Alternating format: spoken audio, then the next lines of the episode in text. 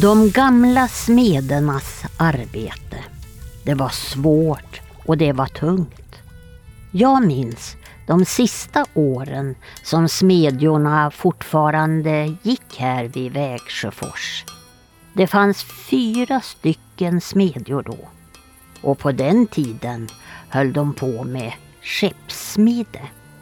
Och det var tungt. Förfärligt tungt. Ja, vi bodde ju i en av bruksbyggnaderna då. Men eh, den, den är ju riven nu. Och jag är ju själv utav en gammal smedsläkt. Min farfar, som jag inte har något minne av, han och hans bror, de var smeder på Vägsjöfors. Och både min far och min farbror, de var också smeder här. Min farbror, han var i alla fall mycket full i skrock. Och far min, han trodde väl inte så mycket på sånt där men något litet trodde han väl också på. Tomtegubbar, det trodde smederna särskilt mycket på. För de hade ju en del att göra med de där tomtarna. Farbror min, han brukade tala om att om en smed försökte ta kol i en annan binge än sin egen, då var tomtegubben genast framme och gav honom en rungande örfil. Smederna fick sig nämligen bara en viss mängd kol tillmättat som det gällde att hushålla med så länge som möjligt för ju mer de sparade på kolet desto mer mjöl eller brännvin eller tobak fick de istället. För lönen sin, den fick de nämligen huvudsakligen ut i naturen. Men den lönen var dålig och låg. Ibland var det sådana nödtider så att de inte ens kunde äta sig mätta. Min farfars bror, han brukade tala om att på den tiden när han var smedpojke, då fick han under lång tid bara leva på de bär som han plockade i skogen omkring där på bruket när de hade sina raster.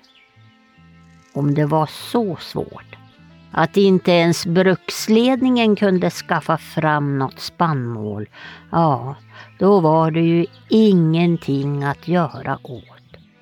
Då fick de ut alltihopa, ja hela lönen sedan, när det blev bättre tider. Eller så kunde de ju också få pengar istället, men det kommer man ju inte så långt med om det ändå inte finns någonting att köpa för slantarna sina. Men det var ju tomtarna som vi skulle tala om. De hade forsgubbar också, där vid smedjorna. Forsgubben han bodde i julbäcken och smederna kunde både se och höra och tala med han.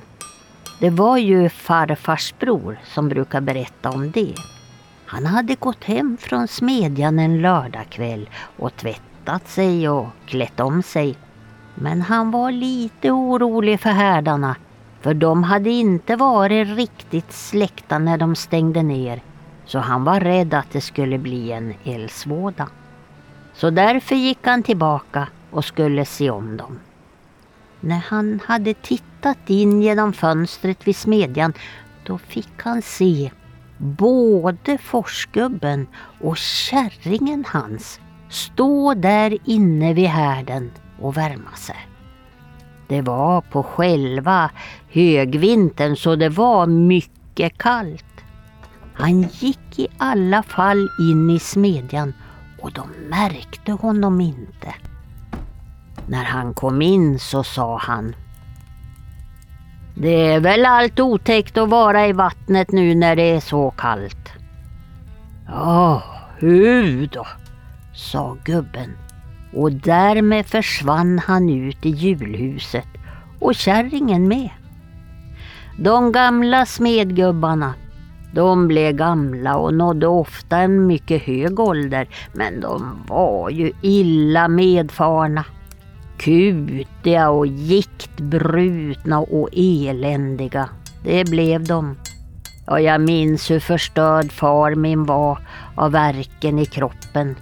De fick ju stå där i hettan vid härdarna och någon stund emellan fick de väl vila sig lite i smedskammaren men den kammaren den var dragig och kall. Och i ännu äldre tider, ja, då hade de det ännu värre. Det var när brukspatroner och förvaltare var så omänskligt stränga och gav de där gamla gubbarna stryk för minsta lilla anledning.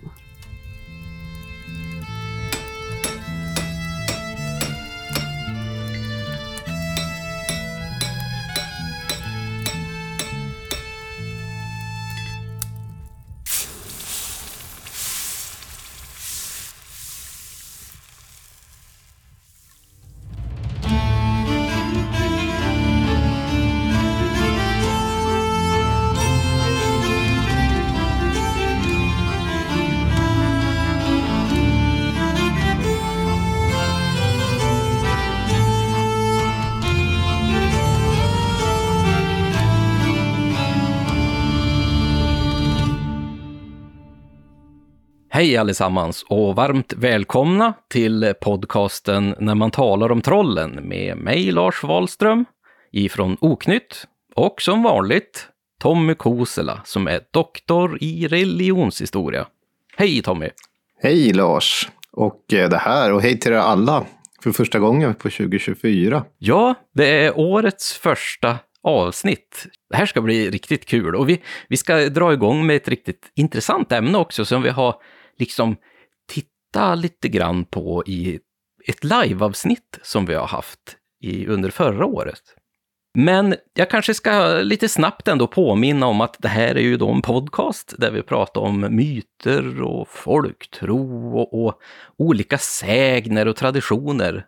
Främst då kanske härifrån Norden, men vi hittar ju alltid lite spår runt om hela världen faktiskt, när vi pratar om historia såklart. Och eh, vill man lyssna mer på oss, förutom de här ordinarie avsnitten som vi har, så har vi ju också vår Patreon-sida, där vi också heter När man talar om trollen. Där vi har bland annat två spännande serier som man kan lyssna på just nu och eh, även såklart en hel del andra bonusavsnitt om traditioner och folktro i allmänhet. Men du Tommy, mm. det här avsnittet, vi kommer att prata om smeden. Alltså den här smidaren, den som kan skapa saker nästan ur ingenting, som vilken gud som helst känns det som.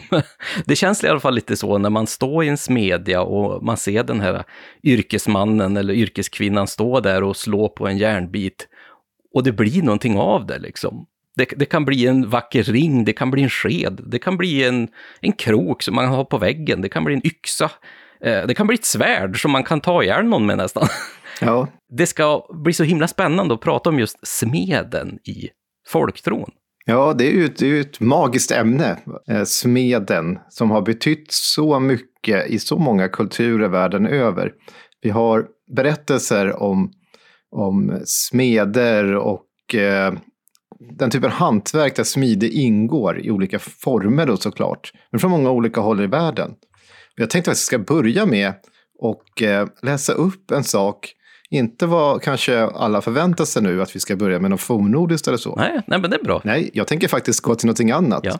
Till den fornnordiska religionens fiende. Eller ja, det är väl kanske en överdrift. I alla fall från motsatta sidan, kristendomen såg man ju fornnordiska som sin fiende.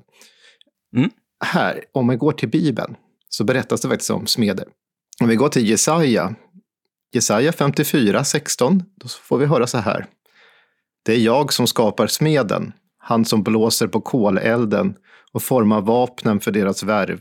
Jag skapar förgöraren som ska förinta.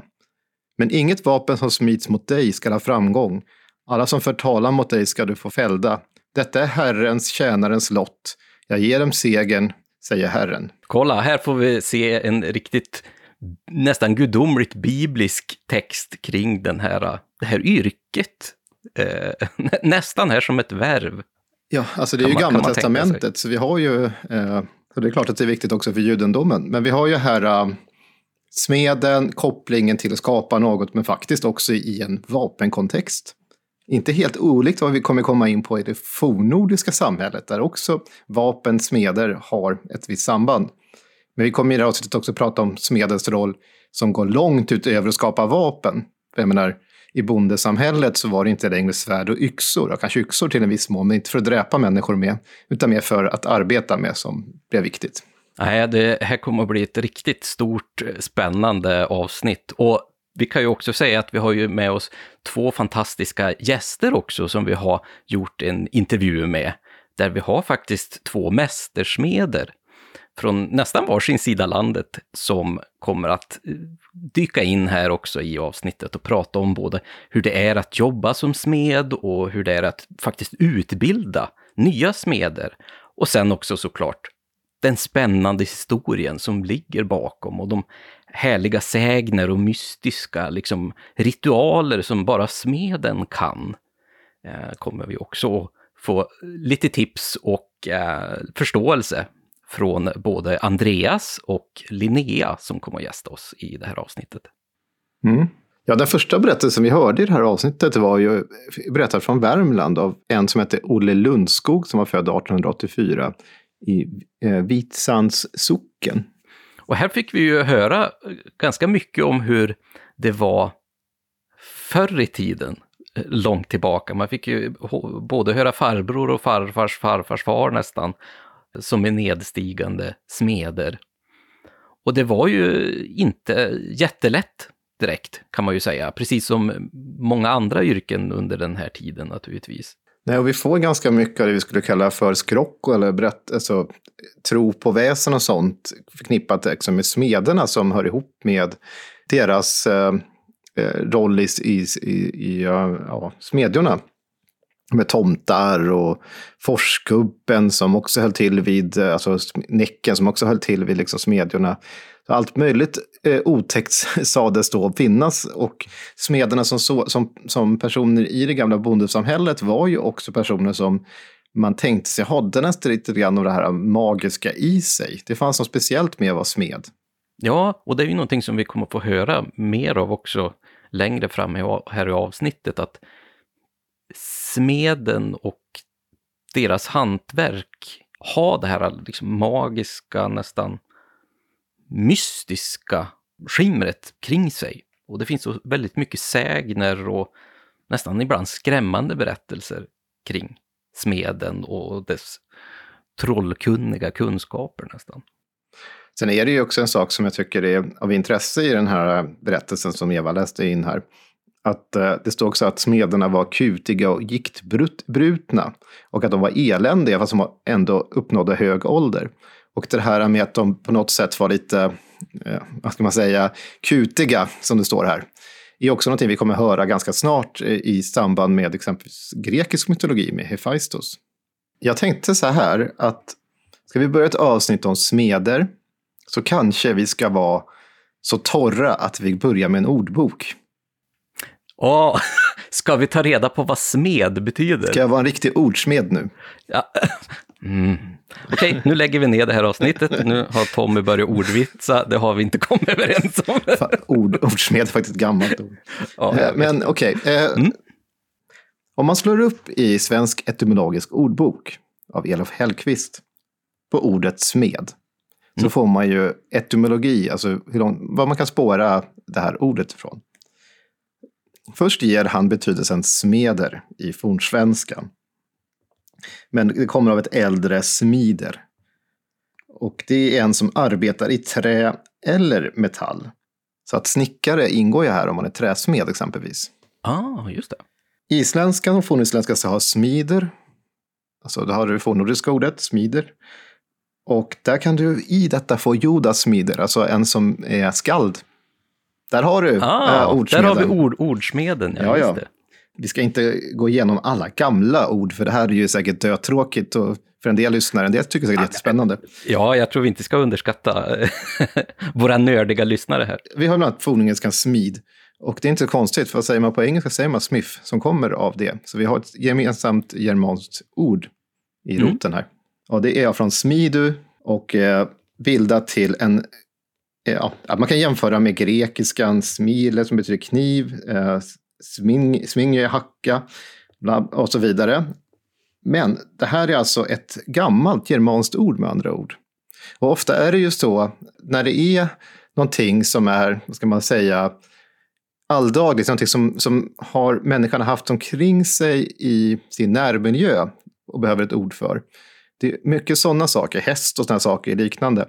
Då är det någonting man kan spåra tillbaka till en germansk rot och liknande. Och därför vi påminner, orden påminner om varandra också runt om i germanska språk. Då. Han, han skriver lite till om smeden här. Jag ska, jag ska, bara ta upp det, för vi kommer komma in på det. Men eh, jag ska försöka bryta ner hans väldigt ordboksformade saker här så att det blir förståeligt. En gemensam indoeuropeisk beteckning saknas och indoeuropeisk är då ännu längre tillbaka i språket än germanska. Då hänvisar han till en forskare som heter Muck, eh, menar på att den första bearbetningen med den äldsta metallen, kopparen, skedde icke med smidande utan genom smältning och gjutning. Så därför menar han på att det kanske inte fanns ett ord från absolut första början för det här. Smeden och hans yrke omnämns annars i berättelser och sagor från den gråaste forntid. Till exempel Tubal-Kain som var mästare i allehanda koppar och järnverk som då nämns redan i första Mosebok. Det var inte det jag läste, för jag läste en annan del ur Gamla Testamentet. I Rigveda, då, nu är vi i Indien, har vi en Tvashta. Vi har grekernas Hephaistos. Och vi har romarnas Vulkanus. Som alla vet har ju romarna snott mycket från grekerna. Mm. Eh, så har vi en som man också nämner här, germanernas Viland. Och Viland, eller Völund, kommer vi höra mer om under det här avsnittet.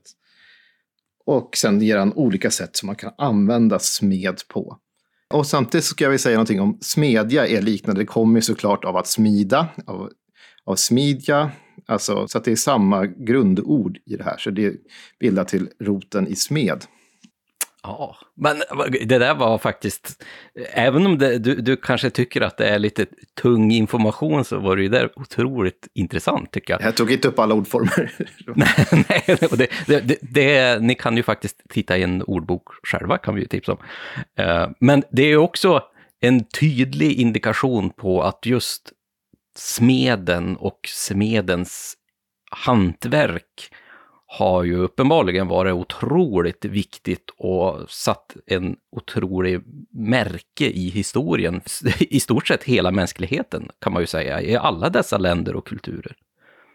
Det är ganska intressant för vi också har ju namngett eh, tider med bronsålder, järnålder och så vidare. Det kommer av att man bearbetar den här typen av metall. Ja. Men jag tänkte på, jag nämnde ju i förbifarten Hephaistos. Och Hephaistos är lite av en favoritgud för mig. Eh, som jag har... Jag hade en period förut, för nu är det ganska många år sedan, där jag var väldigt, väldigt intresserad av grekiska myter. Jag skäms oftast över att jag läser de här böckerna som jag då samlar på mig. Jag läste de flesta av dem faktiskt då. Eh, men det är ett par hyllmeter. Och eh, jag önskar på sätt och vis att jag hade fortsatt med det, för det var väldigt eh, intresseväckande och det gav nya paralleller och insikter i myter överlag. Men till det här också tänkte jag ska läsa upp i, på svenska då, för att de mycket av det här är skrivet på, inte svenska helt enkelt, på engelska då. Det finns en svensk forskare, eller fanns en, som hette Martin Pesson Nilsson. Mm. Han var professor i antiken, i klassiska språk, eh, och eh, blev en sån här ganska berömd forskare i, just om antikens Grekland och särskilt religionen jag som religionshistoriker är förtjust i honom, för vi läste mycket av Martin, Pesson, Martin Pesson Nilsson också.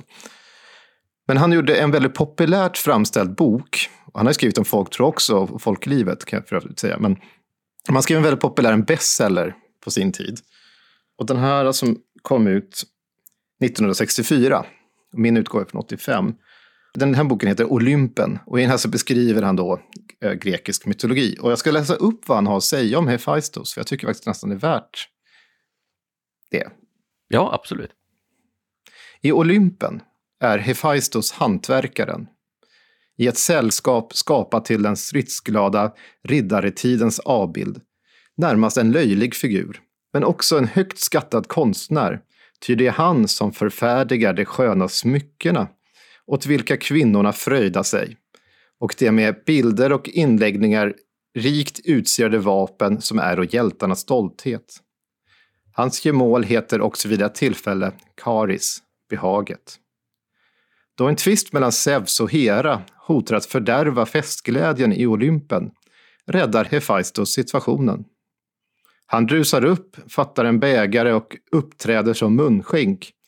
Gudarna brister ut i odödligt skratt då de ser honom linka omkring. Ty Hefaistos är halt. Den äldre naiva konsten avbildar honom med förkrympta fötter. Homeros skildrar honom när Tetis uppsöker honom för att bedja honom förfärdiga nya vapen åt Achilles istället för dem som Hektor tagit från den fallne Patroklos. Och så citerar han då en liten del ur Iliaden som jag hoppar över. Men sen kommer han vidare. Berättar vidare om Hephaistos. Han är armstark, men har dåliga ben. Så blir gärna smederna som ständigt står vid städet och slägga. Ett liknande drag kommer åter i den nordiska sagan om Völunds smed och i de talrika folksagorna om smidskunniga dvärgar. Sådana känner också den grekiska mytologin, telkinerna på Rhodos och de ideiska daktylerna. Homeros berättar i två olika versioner hur det kom sig att Hefaistos blev halt. I första sången av Iliaden säger guden själv att han en gång sökte bistå Hera i en av hennes äktenskapliga tvister. Då tog honom Zeus vid foten och slungade ned honom från gudarnas boning. Hela dagen föll han. Om aftonen hamnade han på Lemnos, där sintierna tog hand om honom. Enligt den andra sagan skämdes Hera för honom då han föddes, därför att han var halt.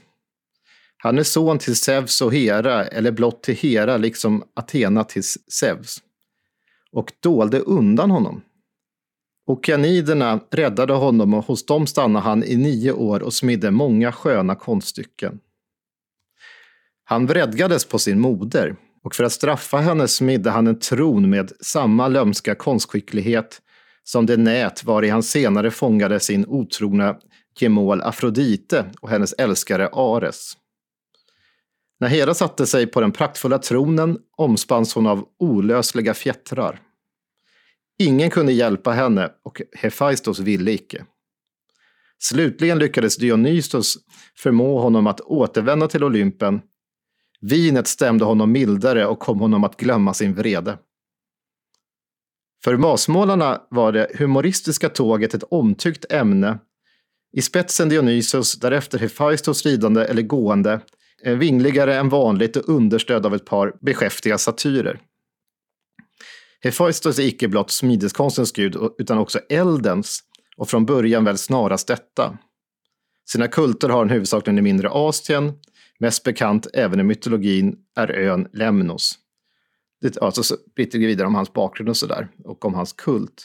Men han avbildas oftast i mytologiska scener med smidestången i handen, men hans gestalt har ej lockat den ideellt lagda grekiska konsten till statuariska verk, där han någon gång förekommer bära en hantverkens toppiga filtmössa. Och, och så skriver han lite grann om vulkaner som också skyddar mot eh, eldsvådor och sådär. Mm. Så det här är ju väldigt, man, ser ju, man, man hör ju att den är väldigt tidstypisk för 60-talet. Jag tycker också kvinnobilden i den här är ganska typisk för 60-talet, så som eh, Martin framställer det här. Men Hefaisto var en viktig gud, men också hur han avbildas med starka armar men har svaga ben och att han är lite krumryggig och sådär. Ja, han, han, är, och det tycker jag är så spännande just med Hephaistos, för att han beskrivs ju som att ha, han har liksom ett lyte nästan.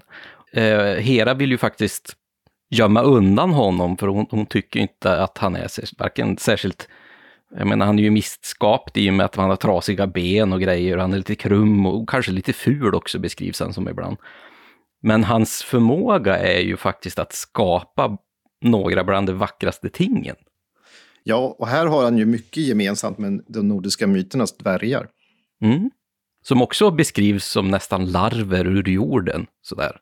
Ja. Inte alls en särskilt vacker bild. I, i viss mån också till, motbjudande till utseendet och sådär. Alltså men samtidigt skapar de de mest undersköna ting och, sam, mm. och dessutom vapen till gudar och gudinnor, precis som också eh, sker i antikens Grekland. Mm. Så, så, det är en väldigt viktig gud, det går inte att komma ifrån. Till skillnad från Grekland så saknar vi Norden, saknar en, en, en smidesgud. Ja, det är lite intressant faktiskt. Med tanke på om man tittar på de andra mytologier som vi har världen över, där det kan just kopplas till en specifik gudom som ändå är bland i grupp med de andra gudarna och kanske ha en liknande ställning. Men här i fornordisk mytologi så har vi ju snarare de här lite fula små eh, svartalver kan de ju kallas ibland också. De här dvärgarna då. Som inte alls har med asar och jättar och alver att göra, utan de är de här andra små figurerna på något sätt. Det, det är ganska intressant, för om man jämför med någonting som i ett annan språkgrupp och sådär, men med keltiska myter, mm. där har de så inte mindre än fem olika gudomar som, eller, och en gudinna som dessutom hör ihop med eh, smideskonsten bland annat. Mm. Som har tolkats som det. Finland har det. Eh, Ilmarinen är ju en sån som nämns också i, i Kalevala bland annat. Och det finns ju många religioner världen över. Egypten har ju bland annat också den här Ptah som också har tolkats som en hantverkarnas och liksom arkitekternas gud i princip. Så det har liksom hör ihop och det finns i Japan och det finns liksom i andra delar i Asien och liksom, ja, från flera håll. Alltså olika slavisk eh, Svarog hette en som också är liksom, eh, vad heter det, smedjans gud. Så de finns ju här och var runt om i världen. Men att vi inte har det här kanske har att göra med att den gud som står närmast på sätt och vis, om vi ska prata om de kända gudarna som har, vi har berättelser om, som har levt kvar. Det är inte helt omöjligt att det har funnits någonting som vi inte riktigt har berättelserna kvar om, kopplat till, till smide. Det är ju faktiskt guden Tor. Mm. Han, han står för åska och därmed eld och sådana saker. Så att, och mycket hans skulle passa in också i smedens världsbild på sätt och vis. Annars är det de, de mytologiska gestalterna som dvärgarna. Vi har ju eh, Völund som vi, vi, snart kommer prata lite grann om, men som inte heller är helt människa. Det källor är han ju till och med en alv. Nej, och just att det här skapandets makt tillsätts just gudarna. De kan skapa saker ur egentligen ingenting. Eh, de kan skapa världen, de kan skapa verktyg, de kan skapa väldigt massa saker där smeden då får den här stora funktionen egentligen. Och det är ju intressant också då i äh, även vår fornordiska mytologi också att där är ju ofta också jättarna som står för olika skapanden och kanske inte så där jättemycket asagudarna då som man annars eh, lyfter upp i Asgård som de styrande. Nej, det finns faktiskt en myt där Tor möter, i en skaldedikt, där han möter äh, jätten Geiröd. Och mm. äh, det här har sett som en alternativ berättelse till hur han får sin hammare. Då kastar han, då är det slagg som kastas och järnslagg som liksom formas som ett vapen. Och det, det kan vara det, det som, alltså det kan vara en slags berättelse som också berättar hur ett hammare kommer till mer just, utan dvärgarnas eh, inverkan i det, i det fallet. Och här kan vi ju faktiskt tipsa om, eh, om ni vill lära er lite mer om just dvärgar och eh, hur asarna och jättarna liksom interagerar med varandra och även just kring gudarnas vapen och hur de tillverkades. Så kan vi ju faktiskt tipsa om vår serie om fornordisk mytologi på just vår Patreon-sida också.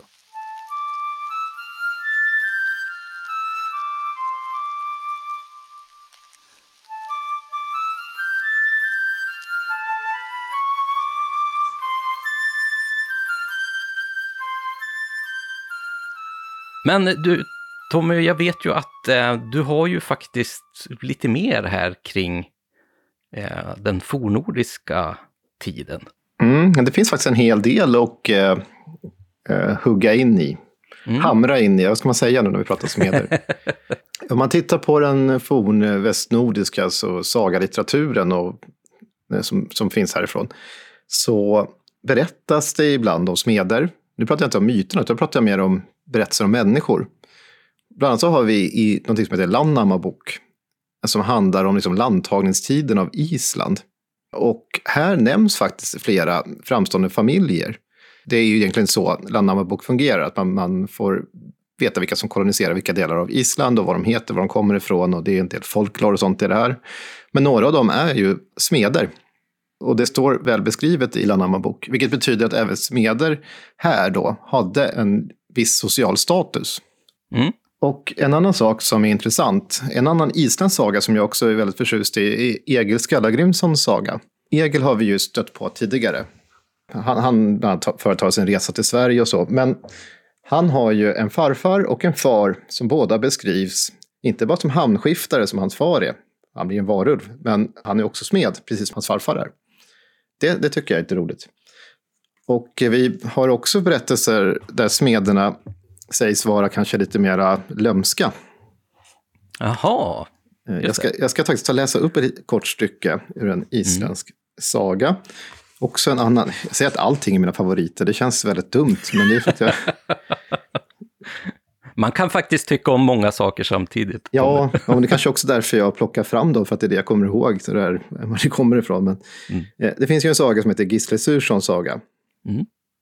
Eh, och det handlar om en fredlös på Island. Det finns för övrigt en, i mitt tycke, fantastisk film som heter uh, Outline, eller The Outlaw, som handlar om den här sagan. Men i den så finns det i alla fall ett, i kapitel 11 får vi höra detta. En man hette Torgrim och kallades Nef. Det betyder alltså näsa. Kan jag säga. Han bodde på Nefstadir innanför Haukadalsa han var full av trolldom och svartkonst. Och han var den största sejdmakare man kunde tänka sig. Honom bjöd Torgrim och Torkel till sig, för de hade också bjudning. Torgrim var skicklig med järn och det berättas att de gick till smedjan, båda Torgrimmarna och Forkel, och där stängde det om sig. Nu tog Torgrim bitarna av Garas sida, som Torkel hade fått i skiftet mellan bröderna och gjorde därav ett spjut. Det blev färdigt till kvällen. Det hade inläggningar i spjutspetsen och sattes på ett skaft som var ett spann långt. Och så står det nog sagt om detta så länge för det spjutet kommer ha en ödesdiger effekt senare i sagan. Det, det tyckte jag var fascinerande. Jag tyckte det var minst lika fascinerande faktiskt att han var kallad näsa.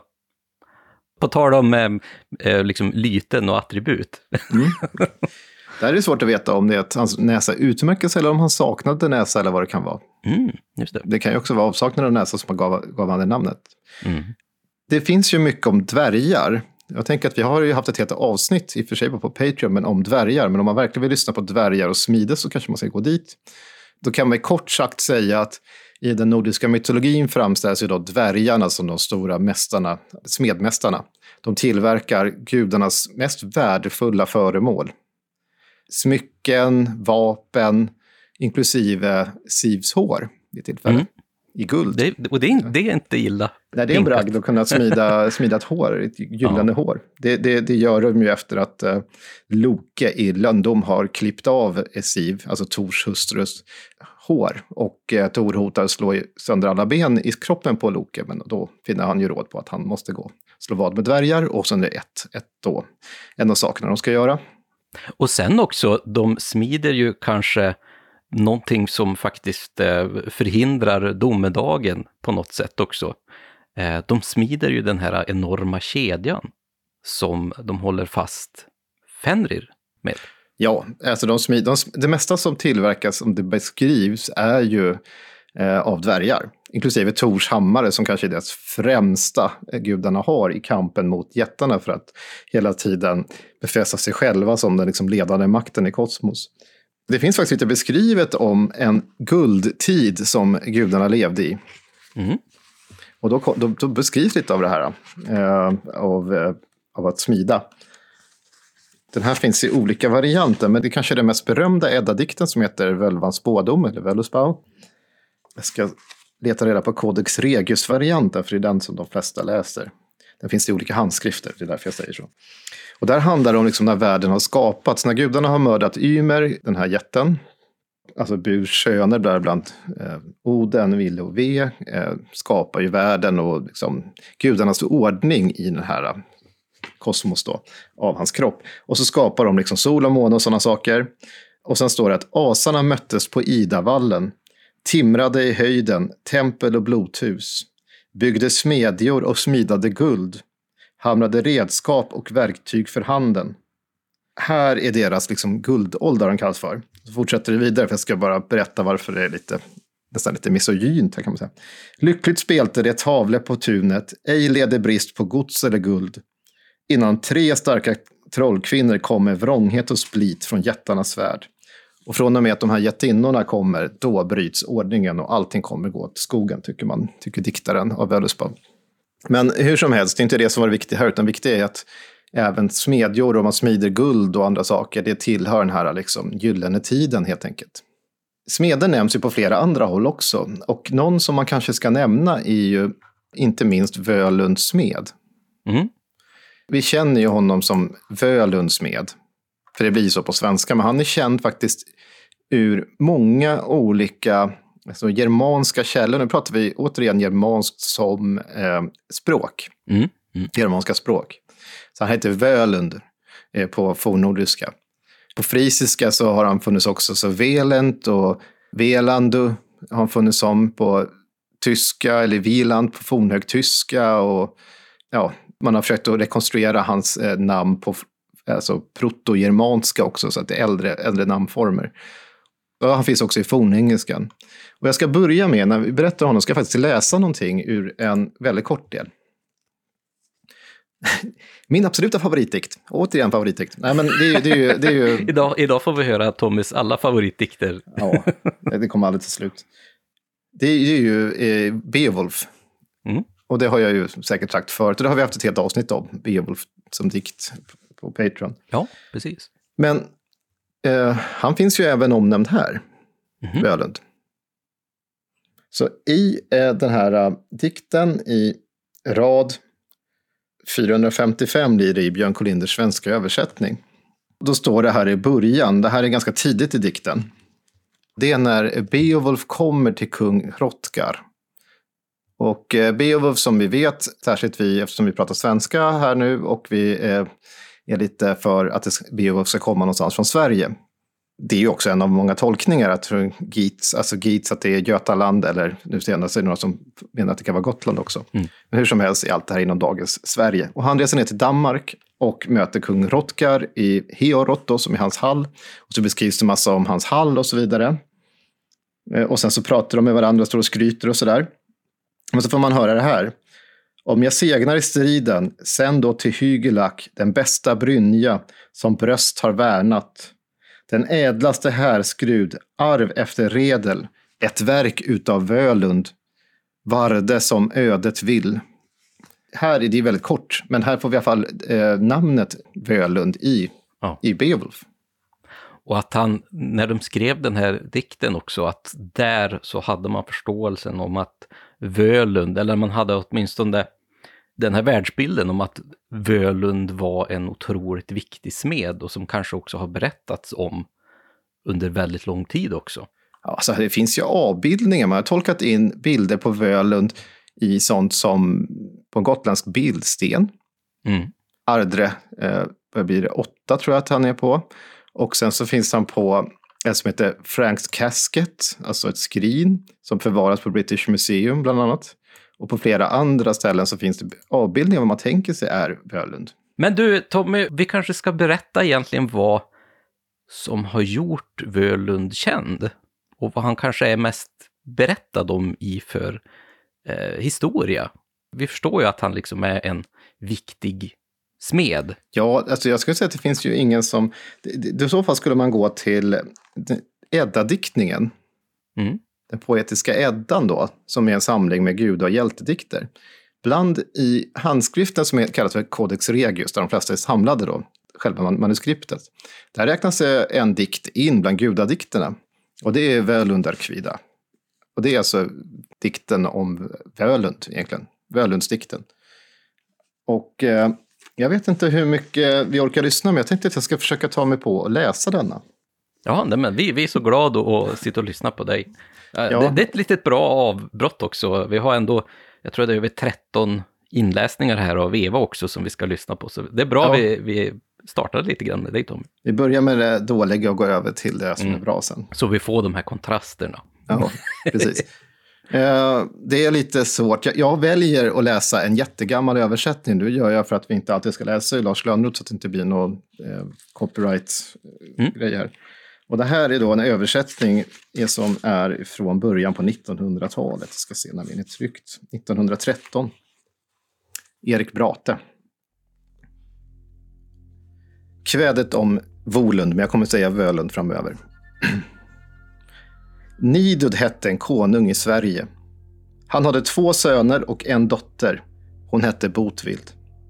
Det fanns tre bröder, söner av samekonungen. Egentligen är han alltså finnar, så det är samer. Pratar om.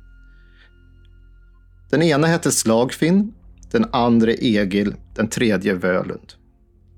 De åkte skidor och jagade djur. De kom till Ulvdalarna och gjorde sig hus där. Där är ett vatten som heter Ulvsjön. Tidigt om morgonen funno de på stranden tre kvinnor som spunnolin. lin. Bredvid dem som låg det svanhamnar. De var valkyrior. Det var två döttrar av konung Lodver. Ladgun, Svanvit och Hervor Alvit. Men den tredje var Olrun, Kjars dotter från Valand. Det tog de med sig hem till sin stuga. Egil äktade Olrun, Slagfinn Svanvit, men Völund Alviter. De bodde där sju år. Därpå flög och kvinnorna att deltaga i drabbningar och kom och icke åter. Då skyddade Egil att leta efter Olrun och Slagfinn sökte Svanvit, men Völund stannade kvar i Ulvdalarna. Han var den händigaste man som man känner i fornsagor. Konung Nidud lät taga honom till fånga, så som här omtalas. Och nu kommer själva dikten. Möar flög oss undan, mörkskogen igenom. Allviter den unga att örlog föra. På sjöstrand sig satte, det sköna att vila. Kvinnor från södern, kostbart lin spunno. Egil slöts av en av dem, en fager mö, i famnen den vita. Den andra var svanvit med svanfjädrar flög. Den tredje systern slog sin arm omkring Völunds vita hals. Sju år sutto då sedan stilla. Hela det åttonde hyste det trånad, men den nionde den nödgades skiljas. Möarna längtade till mörkans skog. Alviter den unga att örlog föra. Hem väderbitne skytten vändes från jakten Slagfinn och Egil funno salarna öde. Gingo ut och in och om sig sågo. Åt öster åkte Egil efter Olrun, men åt söder Slagfinn efter Svanvit.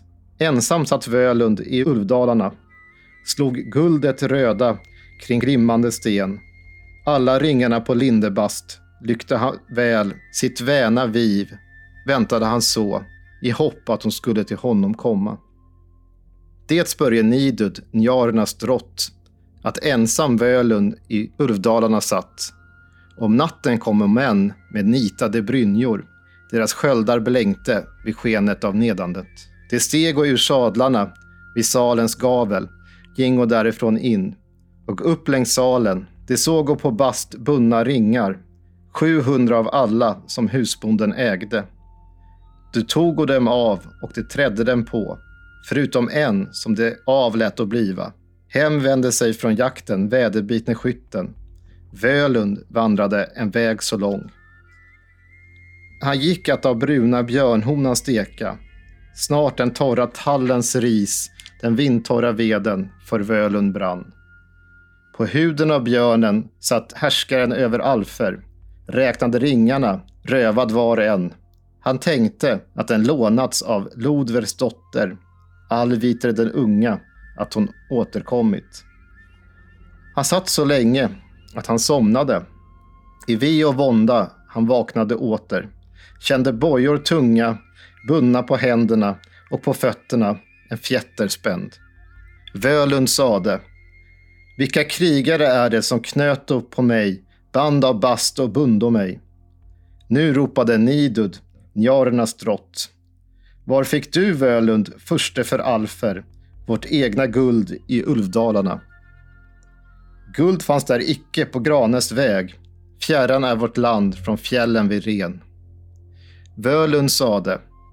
Mera kostbarheter minns jag att vi ägde då vi bröder med hustrur ännu hemma voro. Ladgun och Hervor av Lodver var hon barn, bekant var Olrun som Kjars dotter.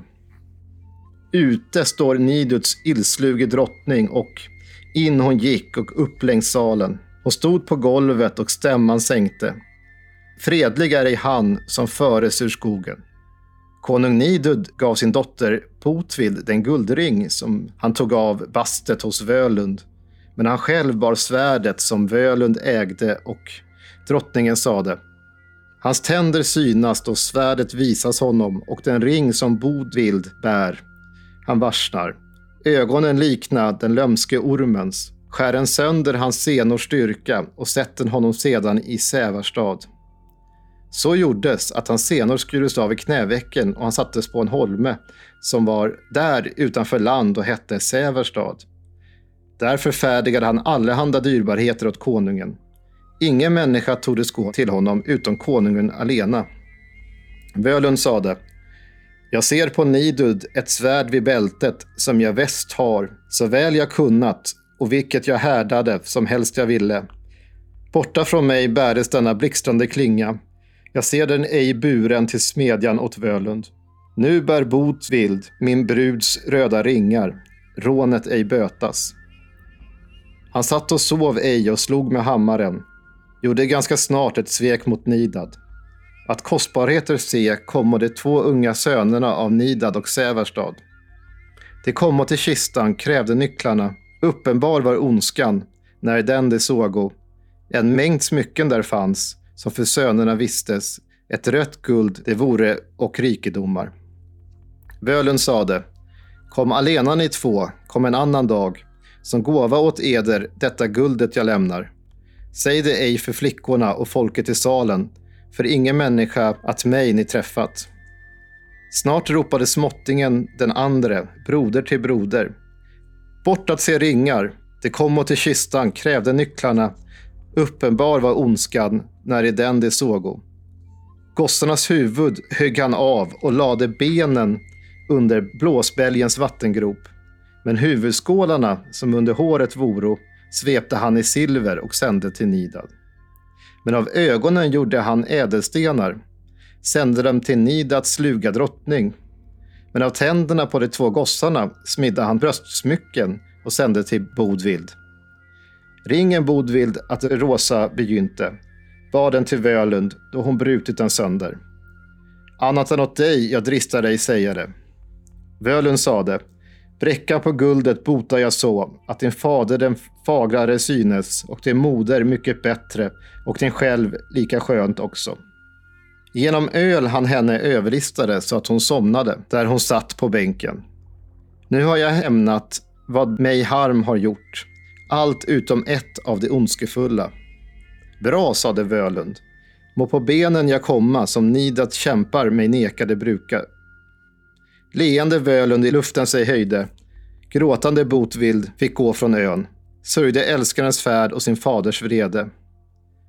Ute på Nidus ilsluka drottning och in hon gick upp genom salen. Men på salens hägnad hon satte sig att vila. Är du vaken, Nidud, njarernas drott? Nidud sade, jag vakar alltid välbehag saknar. Jag sover föga sedan sönerna dogo. I mitt huvud det kyler, köld ge dina råd. Jag vill nu gärna med Völund tala. Yppa mig Völund, alvernas furste. Vad blev av blomstrande barnen mina? Völund sade.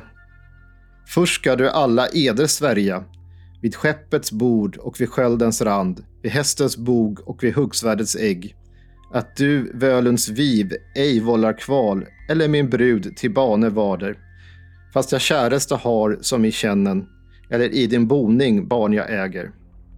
Gå bort till den smedja du byggt åt mig. Där finner du bälgarna med blod bestänkta. Dina gossars huvud högg jag av och lade benen under bälgens vattengrop.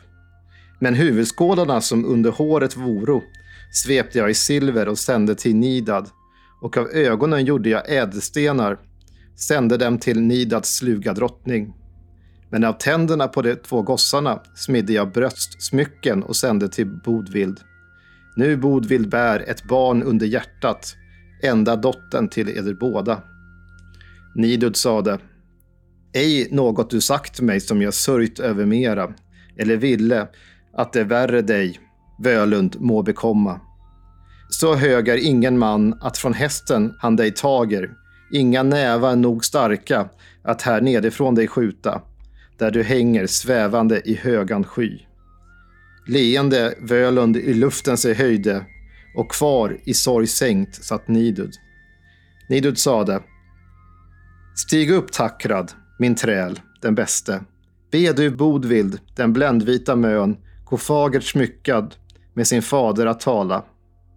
Är det sant, Bodvild, som du sagt mig? Var du på holmen tillhopa med Völund? Bodvild sade. Sant är det, Nidad, som han sade dig. Jag var på holmen tillhopa med Völund, en olycksstund som aldrig bort komma. Honom jag icke hindra kunde, honom jag icke hindra förmådde. Det var alla 41 strofer med lite mellantext som finns i handskriften. Ja, eh, det här gjorde du fantastiskt bra Tommy. Jag är jätteglad att du valde förresten Brates översättning. För jag, ja, men vi, vi, har väl lite förkärlek för att just det här äldre språket är lite det är väldigt poetiskt att lyssna på. Men, på gott och ont. Ja, äh, ja absolut. Äh, men här får vi ju höra en riktigt lång och genomgående liksom sekvens och historia om Völunds liv egentligen. Det är inte så att man direkt har särskilt mycket sympatier för Völund, trots att han är såklart eh, hotad och har råkat i fiendeskap med den här kungen. Men på det sättet han hämnas är ju så oerhört brutalt. Eh, ja, det kan man faktiskt säga. Ja, man får lite så här sympati i början med att han, han liksom är lite fjättrad och så här. Men, men så eh, slutar det med att han hämnas genom att eh, göra smycken av eh, barnens tänder och göra dryckeskärl av deras skallar egentligen. Och att han sänder det här smycket till modern som får bära liksom sitt, sitt barn på sitt bröst i, i form av ett mm. smycke, mm. ovetandes då såklart. Mm. Men en mäktig personlighet måste man ju definitivt säga. Och här, jag vet inte, missuppfattar eller beskrivs han nästan som en alv? Det här är ju, i början så står det, men det här är ju då i uh, inledande prosatexten. Där sägs han komma av samerna, eller finnar då, som brukar vara samma sak. Egentligen skriver ju Bratelapp, konungen då, dåtida språkbruket. Jag sa samekonung, egentligen står det finnar, men det blir ju, det är ju bland samerna. Samtidigt så är det en mytisk tid, en mytisk sekvens. Och senare genomgående så är han ju liksom alv. Eh, det står att han är alvernas första, men egentligen är det kanske ord som används här kan användas som att han vore vis alv också, eller något sånt där. Och alver är ju då ett, ett mytologisk varelse som kanske därför man har plockat in den i den här gudadiktsekvensen redan under medeltiden. Här, bara den här skulle vi ju nog säkert kunna göra ett bonusavsnitt då, tycker jag. Eh, det är också spännande att han, han har någon form av, ja, med tanke på att han ibland beskrivs som en alv, att han har magiska egenskaper på något sätt också. Mm. Och, det, och, det, är också att, att det finns avbildat på så många ställen. Mm. Den här gotländska bildstenen jag nämnde, den, den, har ju faktiskt en avbildning som har tolkats eh, komma från eh, samma berättelse som det här. Mm. Jag ska se om jag ser den framför mig, jag ska slå upp den så jag beskriver rätt. Det är svårt att beskriva i ord här, det som eh, bildstenen avbildar. Men man tolkar att det ser ut som liksom en kvinna som går ifrån någonting som ligger bakom henne och sen så ser man som ett verktyg som hör smedjan till. Och ovanför som kanske är en eld som lite grann ser ut som en gris och sen bakom den ligger det två eh, kroppar, män, manskroppar utan huvuden. Och eh, då har man tolkat som att man kan se det här som ser ut som är bakom kvinnan, som att Völund flyger bort medan den här uh, Böd vill bege sig hem och eh, samtidigt kan man se kungasönerna där till höger om den här smidjan. Jag kan ju också dessutom säga att man har tolkat in det som att det också är ett eh, övergrepp, alltså ett våldtäktsdel i dikten. Ja, inte framgick nu den här gamla... Ja, men man, man, man hör ju ändå hur hon på slutet berättar om att det var någonting som skedde utan hennes kontroll och hon kunde inte komma ifrån. Ja. Så att det, det sätter ju också till Völund en ganska dålig bild kan man ju definitivt säga. Alltså ibland får man ju delar av vikingatiden var naturligtvis väldigt brutala och eh, hemska på många sätt. Mm. Eh, trots den här romantiska skimret många har kring det så är det ju mycket av myterna och det som finns kvar och diktningen som vi har bevarad är ju krigarelitens bevarade, så att säga. Det är aristokratins och krigarelitens eh, dikter. Och det här passar på sätt och in i sån miljö. Krig och fejd mellan olika eh, kungar och, och så vidare. Så eh, det, det, blir, det blir väldigt eh, krigarorienterad eh, mytologi och det, och det stämmer inte överens med hur det verkligen var för gemene man, eller för gemene smed i det här fallet. Då. Jag tror inte att smederna identifierar sig per automatik med Völund, även om det var en omtalad Nej. smed. Nej, men verkligen. Berättelserna. Men du, ska vi ta och lyssna lite grann på en inläsning, eller en uppläsning av Eva, där hon berättar lite grann om en trollsmed. Ja, det är hög tid för det, ja.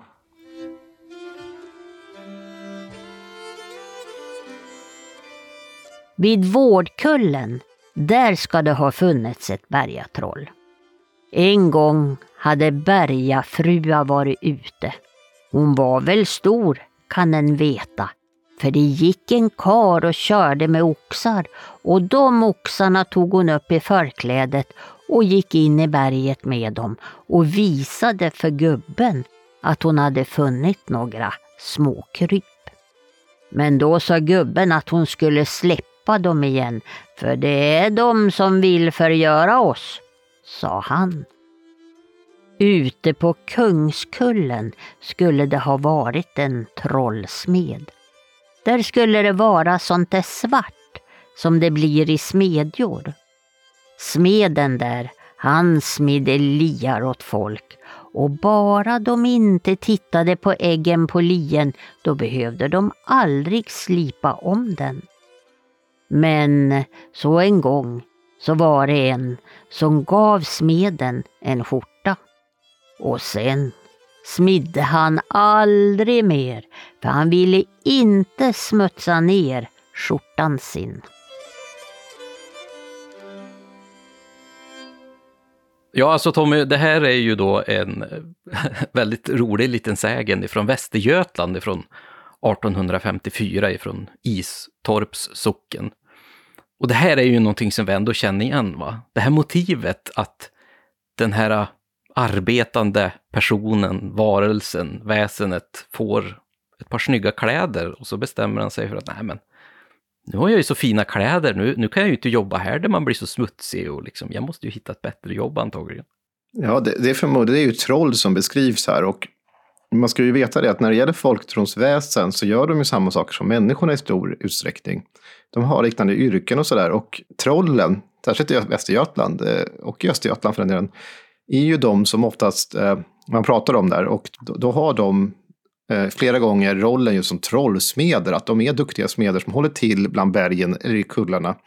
Och flera sådana här berättelser är faktiskt inte helt, alltså, då kan ju de ibland ställa bete sig bättre än vad vissa människor gör. Jag skrev ju själv nyligen en, en artikel om detta med eh, troll som goda grannar. Och då, då förekommer en annan eh, sån här, som jag har använt mig av i alla fall, en, en sägen om trollsmed som beter sig istället eh, korrekt när det gäller betalningar och sånt där. Att han gör allting som man ska, liksom, håller tider, allting är liksom bra om man skulle bete sig. Och jag tror att de har berättat för att man skulle samtidigt kritisera andra människor som inte gjorde så.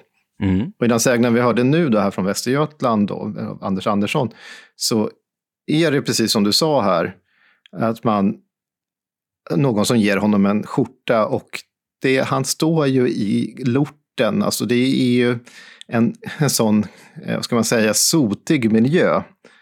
Naturligtvis vill inte trollet heller smutsa ner sin fina skjorta och sluta därmed smida.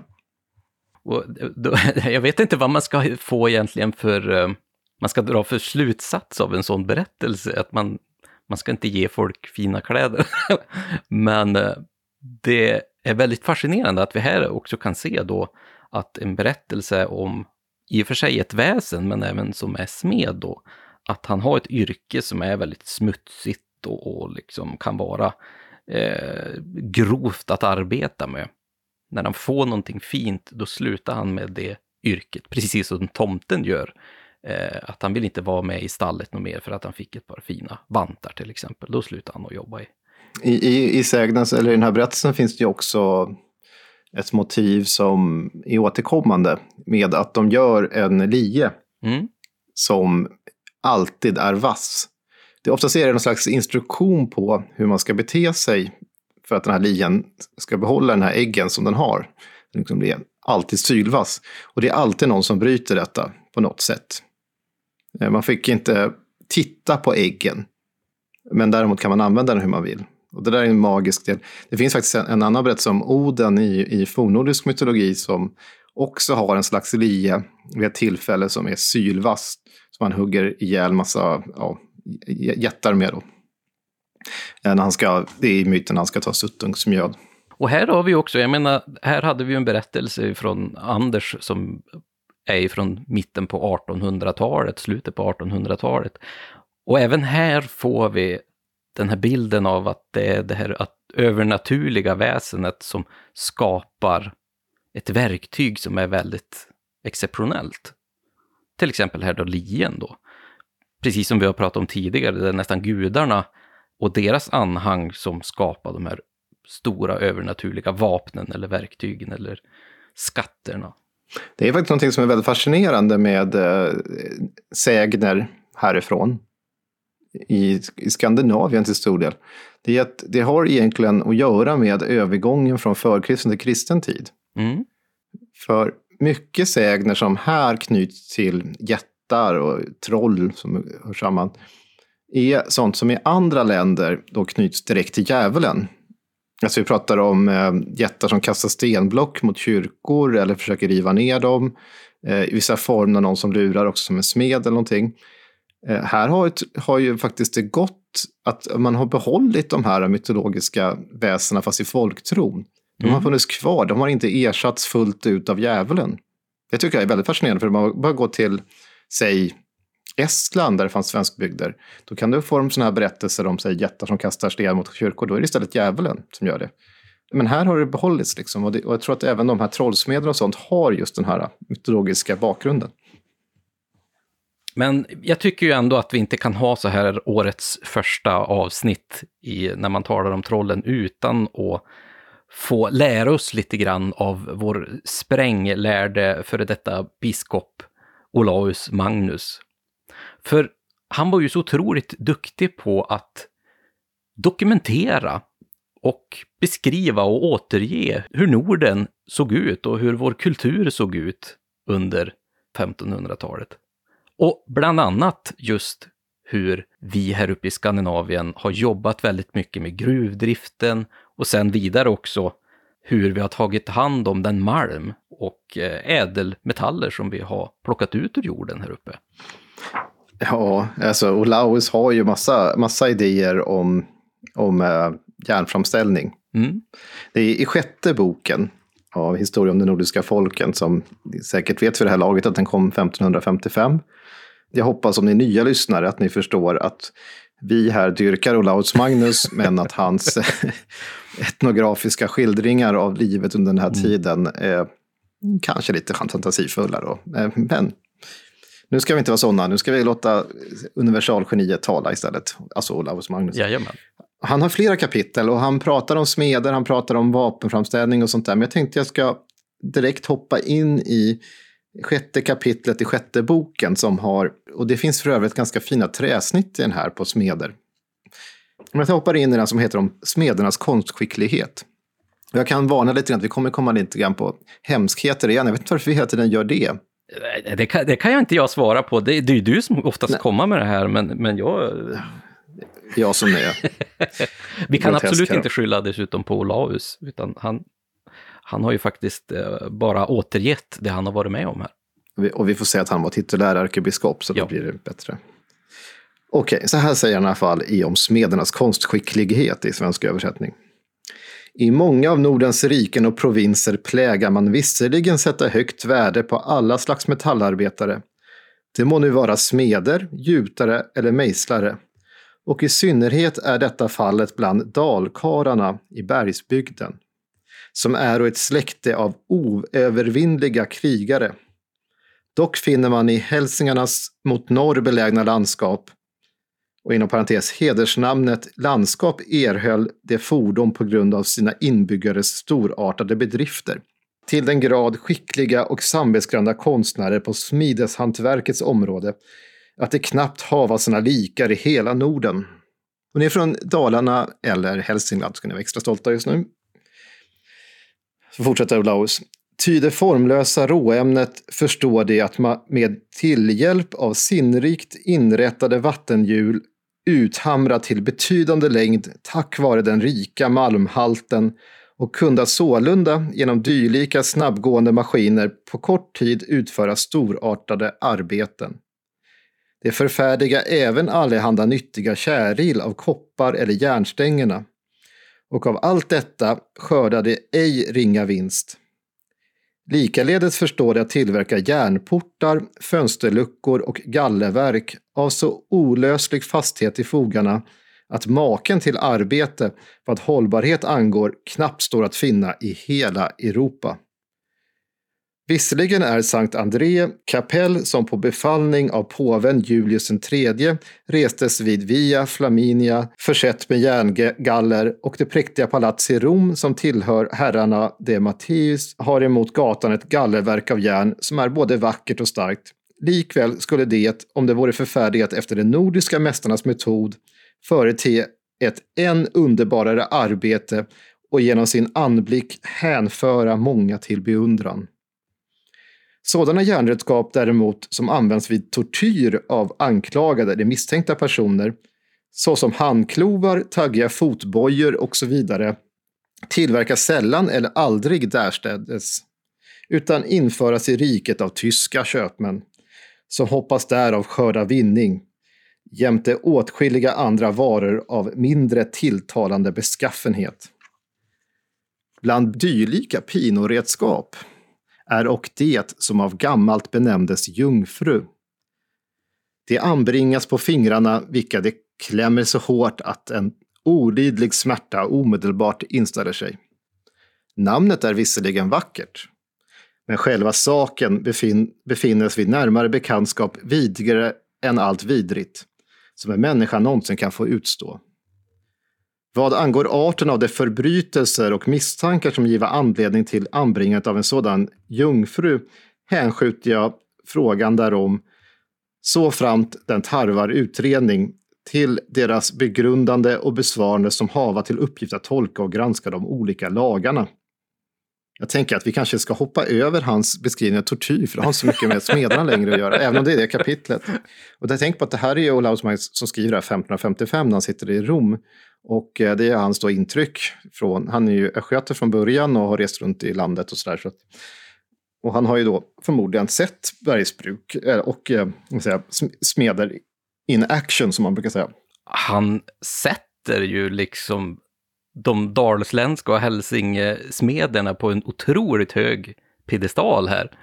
Det är ju... Ja, de är ju bättre än någonting som finns i Rom. Och så att det är ju... Ja visst, hade de fått utverka de här verken i, i Italien så hade det ju det blivit ännu skönare. Ja, och tänk dig kommer det en katolsk ärkebiskop som sitter i Rom och skriver Ja, verkligen. Det det är ju som sagt det här, vi, vi nästan sitter och småskrattar lite grann åt när han börjar beskriva tortyrredskap och tumskruvar här. Och, och som sagt, eh, man får ju alltid ta Olaus med lite en nypa salt såklart. Men det som är så intressant med hans nedteckningar är ju bland annat det här med att han så väl beskriver hur man arbetar med olika metaller till exempel här uppe. Hur själva ugnarna ser ut och hur de jobbar och hur mycket de får ut av vissa metaller och även hur man ser på framställningen sedan av de produkter som kommer ur metallerna, att smederna är väldigt viktiga och väldigt stora och att de gör den här typen av verktyg och fina ting på något sätt. Och, och i själva den här, när han beskriver det, så är det kanske inte så mycket av eh, folktro i beskrivningen. Men när han beskriver malmen i bergen, då har han ju faktiskt kapitel som heter om bergtroll. Som då, med, med en avbildning som visar, det är ju inte, ett skog, det är inte en gruvfru, men det är ju en föregångare till den. Som, som syns här i berget, som står som en liten djävul. Och så pratar han också om Malmberg som träffas av eh, tordön, alltså blixtar. Att de ska extra då dra till sig blixtens. Och att det kommer svavellukt och sånt där. Och om man då luktar, får i sig den här svavellukten så ska man ådra sig en sjukdom som är särdeles svår att bota. Det blir en slags stockning i strupen. Och eh, det bästa, vet du, botemedlet, och här är det lite av folktronsområde, det är lite kul, så tänker jag faktiskt läsa upp här. Om man råkar eh, andas in den här svavellukten då, som kommer av att åskan slagit ner ett malmberg så, så att strupen har stockat sig, så ska man skyndsamt intaga dem varmt öl blandat med smör. Eh, kan häva den här stockningen. Eh, och då rensas eh, strupen. Man kan också hjälp, få hjälp av starkare medel. ja, jag kan förstå att det rensar strupen, för det känns nästan som att om man drar i sig eh, det här ölet med varmt smör, så känns det nästan som att man kanske får upp det man nyss har dragit i sig på något sätt. ja, och han pratar ju också om mynttillverkning och sådana saker. Så att, ja, man hamrar fram mynt. Det är så han beskriver det där. Och eh, jag tycker att vi ska, och det har vi kanske till och med lovat, att vi ska göra ett helt avsnitt om Olaus Magnus i år. Ja, absolut. Eh, så att, eh, men vi kanske ska lämna honom tills dess nu då. Och så kan vi kanske lyssna på en historia ifrån vårt grannland Finland. Vad tror du om det? Eller kanske snarare just eh, svenskbygderna då i Finland, mm. i närmare Vasa.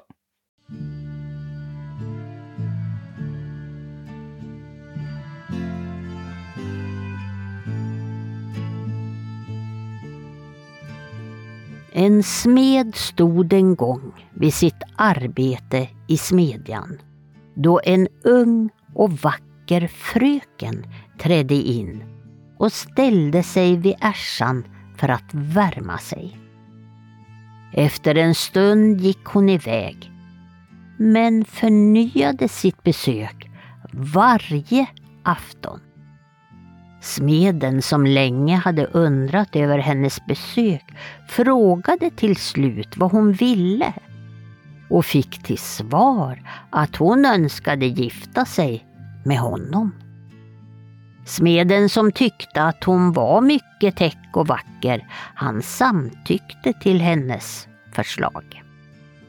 Kort före bröllopet bad den fina fröken att smeden skulle följa med henne till ett berg där hon sa att hon bodde. När de kom till berget så sa hon Vänta här ute så länge, så länge jag är inne i berget. Men så fort jag kommer upp igen, då ska du kasta din kniv i öppningen, för då kommer berget att sluta sig igen. Smeden gjorde som hon hade sagt och öppningen i berget tillslöt sig. De gifte sig sedan och blev ett rikt och lyckligt par. Och så förflöt många år. En dag skulle smeden sko en häst och bad sin hustru att hålla i hästens fot så att han lättare skulle kunna utföra arbetet.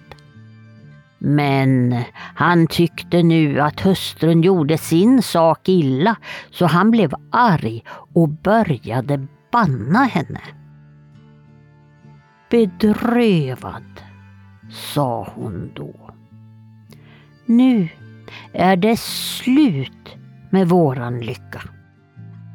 Och därpå tog hon skon som smeden skulle sätta under hästfoten och hon rätade ut den med sina händer och bröt den tvärt av. Och så sa hon på samma sätt skulle jag kunna göra med dig. Och från den dagen var deras lycka förstörd. De blev allt fattigare och fattigare. Och så dog de slutligen i ett stort elände.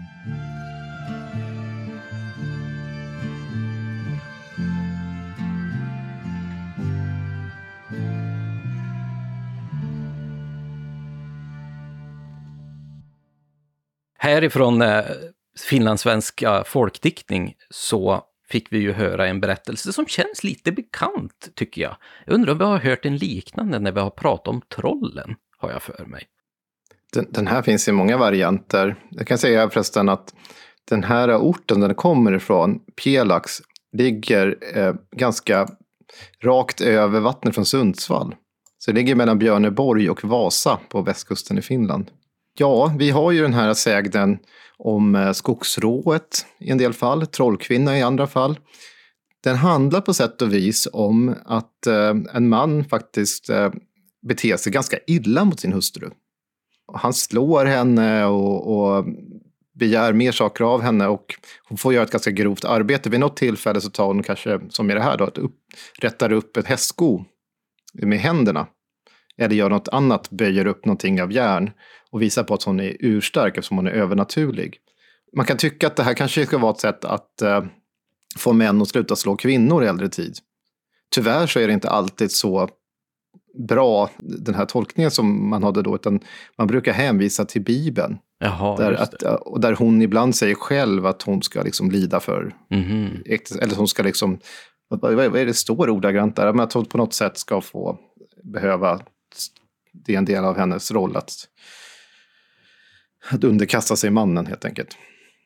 Den här påminner ju också lite grann om när vi får höra berättelser om kolare till exempel, som är ute i skogen ensamma och jobbar och så kommer den här kvinnan och liksom har sällskap med den här ensamma mannen där i, vid, vid sitt hantverk. Mm. Det påminner lite grann här också, den här ofta ensamme eh, hantverkaren som är där i sin smedja. Och så kommer det då den här kvinnan och eh, har samkväm i stort sett. Eh, och det kan gå lite olika beroende på vilken typ av sägen eh, tradition det är naturligtvis. Men det är någonting med den här eh, enskilde arbetaren där vi har det här motivet i. Och sen så är det hon som vill gifta sig med honom som är också lite annorlunda. Det är hon som ger honom instruktioner och kastar den här kniven när hon är, kommer ut i grottan så att inte de andra kan, kan ta tillbaka henne på sätt och vis. Det är ju som den här klassiska motivet som finns runt om i landet. Man kastar någonting av stål över de övernaturliga eller deras kreatur. Oftast eh, vittra, oftast i Norrland, att man tar deras kor eller någonting på det sättet. Genom att kasta någonting av stål över. I det här fallet är det de själv som säger åt honom att göra det. Så det är, det är en liten udda variant. Samtidigt som det är mycket motiv i den som man känner igen. Men jag tycker att här har vi kommit in ganska väl på den här som vi ibland lite slarvigt säger, så här, folktron. Mm. Eh, och ofta att vi pratar då om kanske lite modernare tid i, i, från medeltiden och framåt snarare. Och just här har vi ju fått se att vi har smeden både på en gudomlig nivå, där vi har dem i de grekiska gudarna och i de fornoriska gudarna och egentligen i, i de flesta kulturer över hela världen, där de har en gudomlig smed eller smeder. Men här är vi ju nere på den folkliga trosföreställningen. Och här har ju ändå smeden en väldigt specifik position. Att den kan både ses som en trollkunnig person, att den kan ha samröre, som vi fick höra här i texten innan, samhöre med det övernaturliga också. Jag har faktiskt ett jättebra exempel på detta. Mm. På en, en eh, livslevande verklig, ja, flera av dem har säkert varit det, men en, en namngiven smed som jag har skrivit massa saker. Jaha. Jag jobbar ju till vardags i ett folkminnesarkiv. Mm. Och där, eh, det grundades 1914, men dessförinnan så finns det samlingar då för något som kallas för landsmålsföreningarna. Och de här är från 1870-talet ungefär. Och i det, det finns också äldre material bland dem. Och här finns det bland annat en stor samling från Sörmland av en som heter Gustav Eriksson, som var en tidig folkminnesinsamlare. Han har i sina samlingar alla möjliga fantastiska saker, alltså mycket trollformler och sånt där han har kommit över. Jag skrev ett blogginlägg som om handlade om hans blodiga trollformler som jag hittade i samlingarna. Eh, som han har tagit ur en självmördares västficka. Mm. Och det här är under mitten av 1800-talet. Han själv var faktiskt smed. Aha. Och det förklarar en hel del. Jag kan berätta lite kort om honom. Mm. Han föddes 1820 i Härad socken i Sörmland. Det ligger en halv mil väster om Strängnäs ungefär. Hans pappa hade varit knäckt, men jobbade större delen av sitt liv som kyrkvaktmästare i Härad. Och tanken först var att Gustav då, Eriksson skulle bli präst. Men eh, när han som tonåring hade varit inackorderad i Strängnäs så blev han lärling till en guldsmed. Han tröttnade ganska snabbt på det här, på att vara guldsmed och började arbeta sig som en grovsmed i Eskilstuna. Och där, där reparerade han bössor och höll på med sådana saker som smeder gjorde. Och sen flyttade han tillbaka 1845 till sin barndoms soldattorp, pappans alltså hem. Och försörjde sig som småbrukare och metallarbetare. En metallarbetare var att han reparerade olika typer av metallföremål, alltså smed egentligen. Han var väldigt tidigt intresserad av folkminnen, berättelser, att samla in sådant. Och har gjort det i väldigt stor skala. Eh, det finns massor, massor av sidor av honom anskrivna. I detta så har han fått tag på ganska mycket trollformler. Jag kan läsa upp ur min egna bloggtext då, som kommer från uppteckningarna i arkivet. Hur han med listiga knep kunde komma över de här. Så han skriver själv så här. Det var en gång en gumma som skulle bota en sådan ljudlös skälla. Hon läste alla böner hon visste, men skällan återfick icke sitt ljud. Så kom ägaren till skällan själv till mig medhavande en flaska brännvin och skällan och bad mig läsa vad jag kunde. Felet undersöktes och befanns vara en omärklig spricka i kanten, vilken jag sammanlödde och skällan återfick sitt naturliga ljud. Jag kom genast i rop om att kunna de starkaste bönerna. Bonden fick naturligtvis icke veta i sammanhanget, men just därigenom fick jag lära mig flera och bortlärde blott en av mina formler. Ja, stackars enfald, säger han då. Så här kan han med att ha den här kunnig, att han är så kunnig i hantverket har fått en del att tro att han är trolldomskunnig. Det är ett annat tillfälle när han kommer in i en stuga där det liksom ryker in. Då kan han se att det är någonting i skorstenen som är snett som han ordnar. Men där är man fast övertygad om att han använt trolldom. Så vad han kunde göra som är unikt med honom, att han kunde byta till sig en typ av trollformler som man vanligtvis eh, förtär. Om man ska bota en sjuk ska man tugga i sig de här papperslapparna med formler på eller så ska man elda upp dem i samband med att man läser en formel. Och de där kunde han alltså byta till sig, så de, sådana finns bevarade. Annars är sånt där väldigt ovanliga i arkiv, för att de, just därför att de ja, förstörs. Men han var ju alltså smed och han använde sig av sin, sina kunskaper som smed i eh, byta till sig saker. Och, det, och här i, i det hela fanns det ju också den här eh, ambivalensen i smedeyrket, att de på sätt och vis att de kan ju saker, de gör saker, de förvandlar saker som gör att han ansågs helt enkelt själv vara trollkunnig.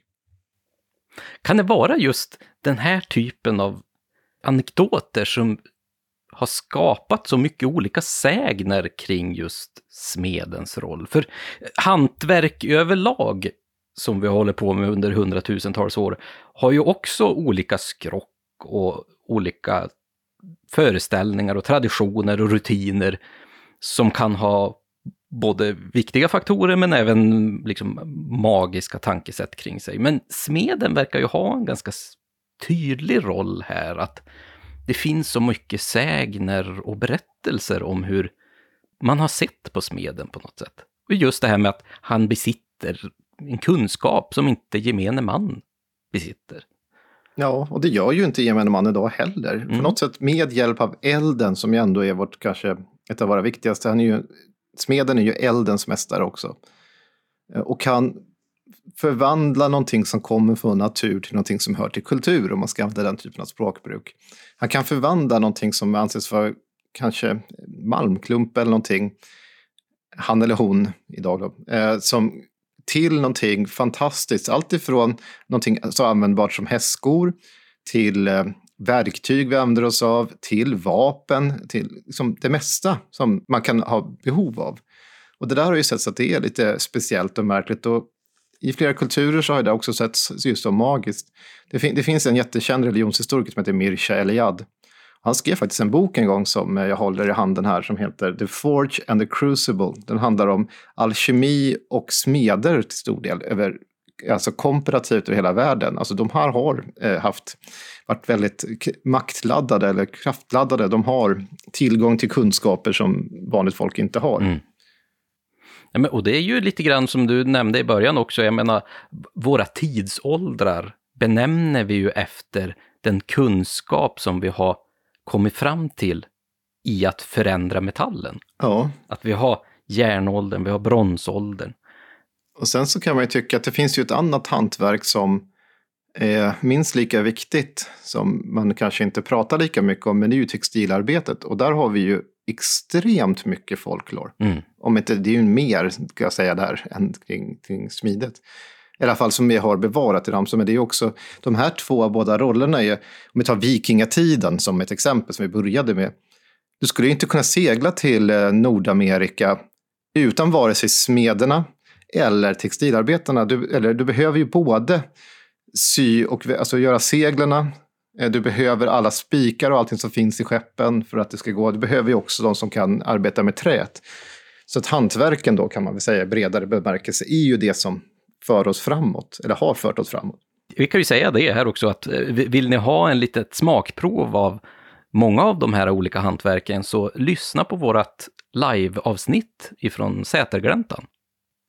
Och du, när vi ändå är inne på Sätergläntan, vi kanske ska få höra lite grann ifrån två faktiska smeder som har jobbat i många, många år och till och med är mästare i konstsmide. Linnea Lindgren ifrån just Sätergläntan och sen har vi även Andreas Lundin ifrån Nordingrå som även jobbar som lärare på Järnakademin i Kramfors. Och jag tänkte att de kanske ska få berätta lite grann om just hur är det egentligen att jobba så här i en smedja?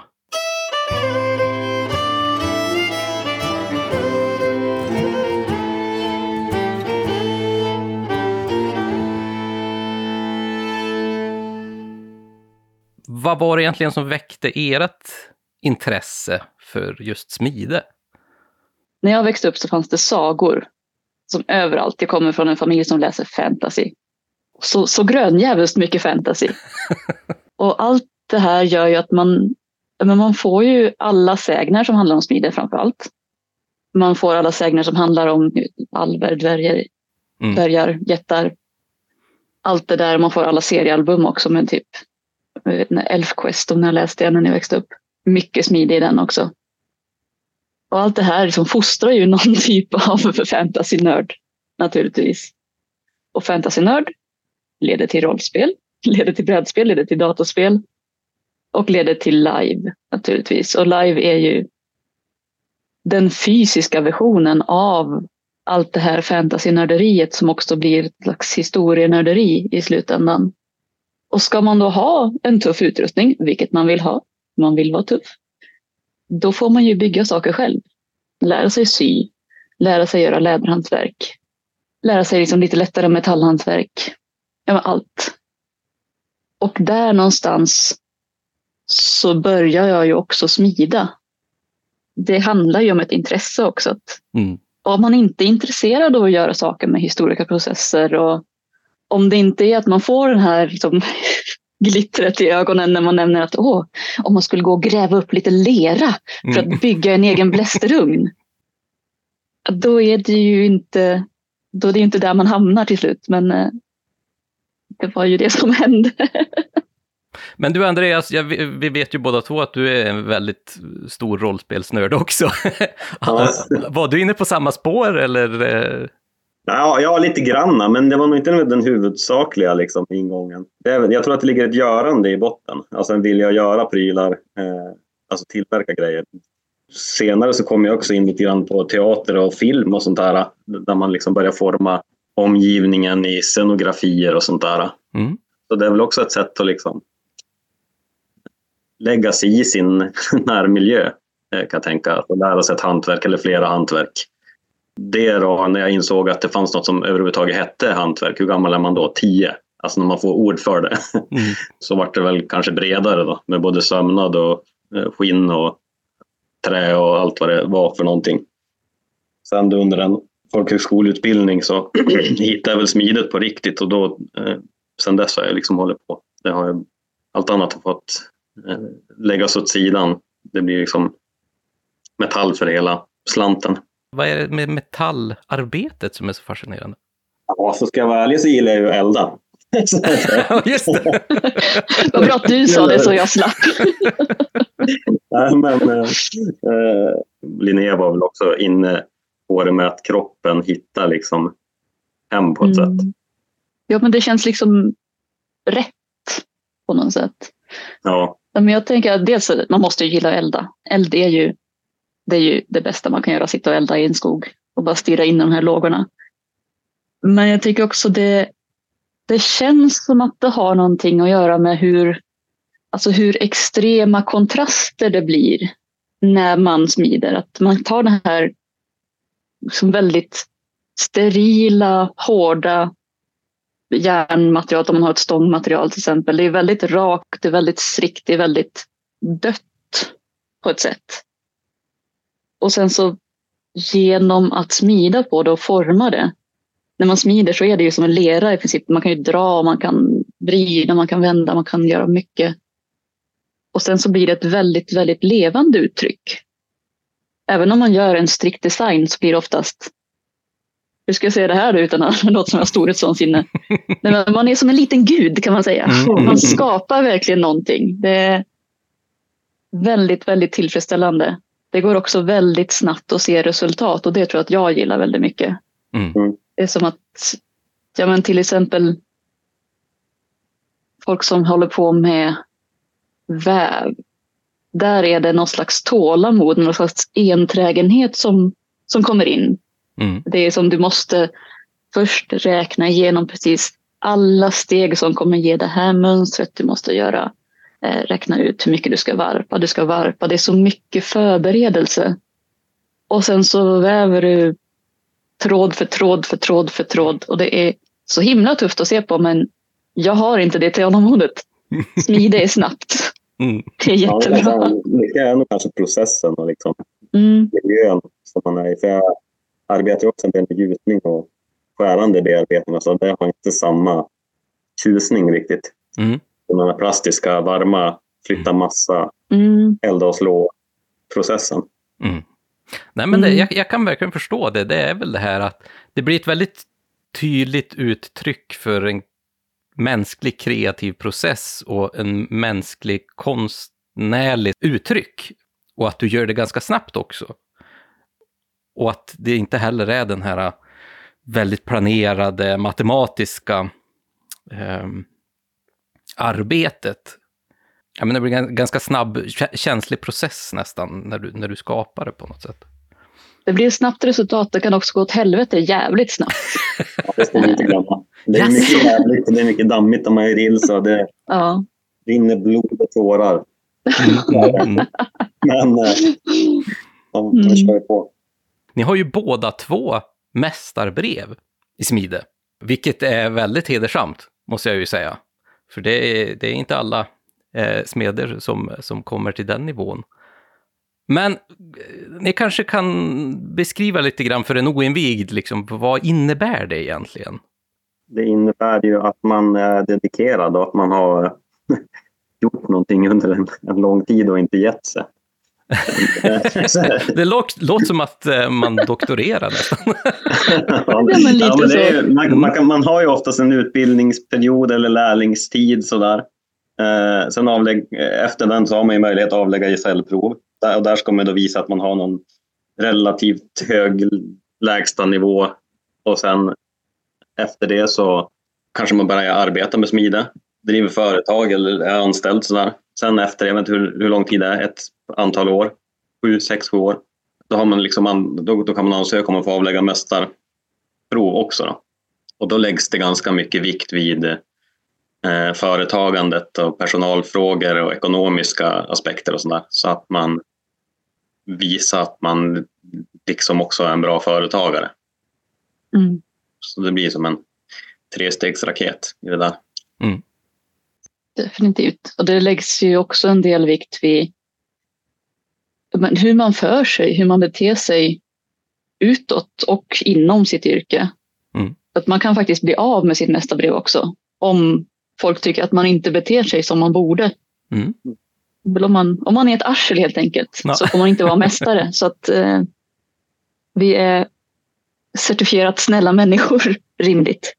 Men jag förstår, det är ju en väldigt fin kvalitetsstämpel som mm. Yrkesverksam person. Är det ju verkligen. Och Linnea, du har ju alldeles nyligen tagit ditt mästarbrev. Det är ju jättehäftigt. Så vi får verkligen Jajamän. gratulera. Tackar, tackar, tackar. Smide är ju ett väldigt brett begrepp, är det ju verkligen, i alla fall idag. Du kan ju vara smed fast jobba på väldigt många olika sätt. Ja, det är ju väldigt eh, personligt man, hur man väljer att jobba, ska jag säga. Vissa vill ju jobba mer modernt och andra vill absolut inte jobba modernt. Andra vill gräva upp den här leran och, och ta det därifrån. Och det, det finns ju rum för allting. Mm. Hur viktigt är det egentligen att förstå de historiska och kulturella delarna i smidet om man ska arbeta med det, som ni gör? Jag skulle säga väldigt viktigt. Att om man inte förstår, det gäller väl i och för sig med alla hantverk, mm. att om man inte liksom förstår hur det har utvecklats och vad, vad för stadier det redan har gått igenom, då blir det väldigt svårt att liksom greppa vad, vad det finns för möjligheter, vad det finns för möjligheter till utveckling efteråt. Du kan naturligtvis bara ta en, en järnbit och börja bonka på den och inte kunna någonting om historien alls, så att det blir ju saker. Men vill du göra någonting djupare, vill du liksom utveckla det, då är som historien en otrolig, otrolig hjälp mm. till att komma vidare. Även om du kanske inte vill göra historiska saker själv sen, så ja, det blir liksom en förståelse. Ja, jag tror att den är viktig. Den förstående. Annars är det risk att man hamnar i en cykel av att liksom uppfinna hjulet på nytt. Mm. Eh, gång på gång.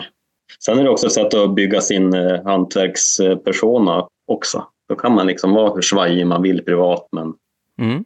det finns fler sådana här pusselbitar man kan lägga till sitt yrkesliv. Ju stabilare blir man kanske som hantverkare. Mm. Man har, liksom, känner att man har lite koll på historien, hanterar sin palett med tekniker och sådär. Så vet man lite vart man har sig själv och man vet vad man kan lova en kund och man vet vad man kan prata med en elev om och sådär.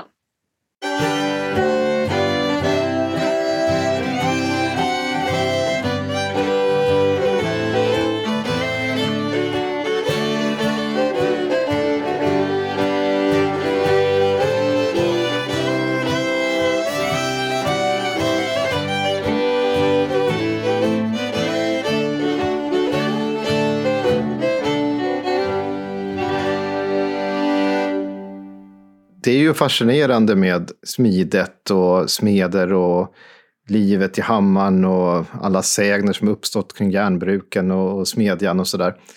Men när jag ska återgå till någonting vi har pratat om så är ju också det väldigt fascinerande med alltså trolldomen och smeder. Mm.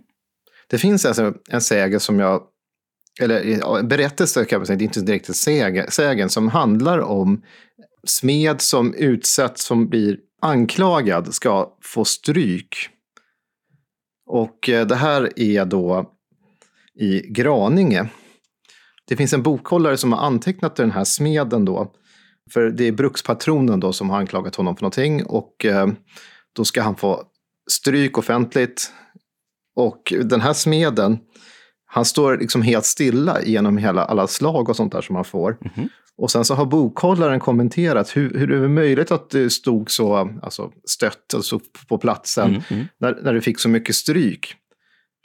Uh, var på den här personen, smeden, sa då Äsch, han kände det mer han som höll om tröjan, alltså som slog. Så att, då har han liksom trollat så att slagen egentligen slår på den som slår. Aha. Och det, det står också att det är för att man ansåg att han var trölsk, alltså han var trolldomskunnig. Just det, just det. Och, och, ibland sägs det också att eh, mellan de här bruken kunde det vara ett, eh, stridigheter och sådär. Mm. Och då kunde man få betalt för eh, pundet. Och ju mer järn man hade, ju mer betalt fick man ju då. Och då kunde eh, smederna trolla och ta smältan alltså från varandra. Mm -hmm. Tanken. Lite grann som man tänker också med mjölklyckan, om att man stjäl mjölk och sådär. Fast här stjäl de direkt ur smedjorna från varandra. Ja, exakt. Det, det, finns en sån, bland annat från Köping, som berättar att någon har eh, kom körandes och så har snott eh, smältan av den här personen. alltså på magisk väg. Mm. Och det är väl också så att eh, ganska ofta så kan smeden få sin kunskap tänker man i alla fall, från någon annan och kanske inte alltid från så väldigt trevliga källor heller. Vi kanske ska lyssna på en berättelse härifrån, också ifrån svenskbygderna i Finland.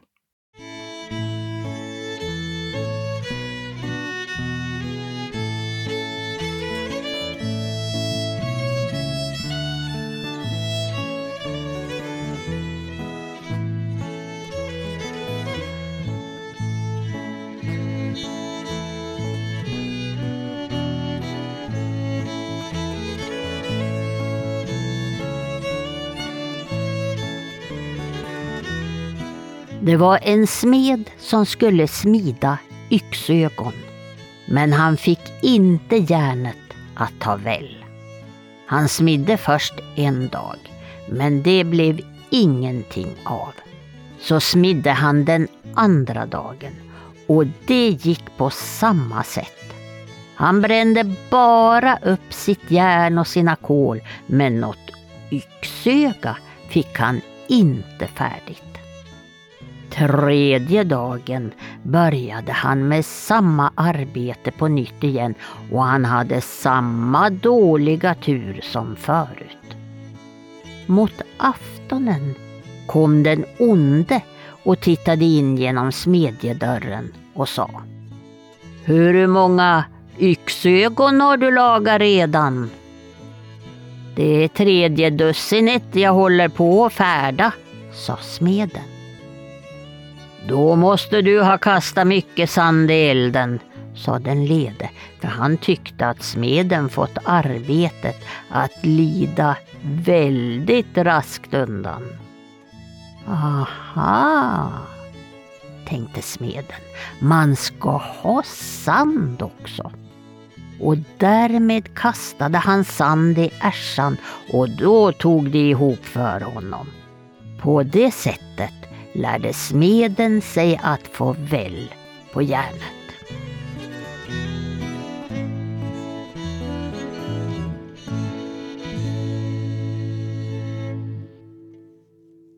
Här fick vi höra ifrån samma källa, finlandssvenska folkdiktning. Och här fick ju faktiskt eh, smeden lite tips ifrån Hin Håle själv.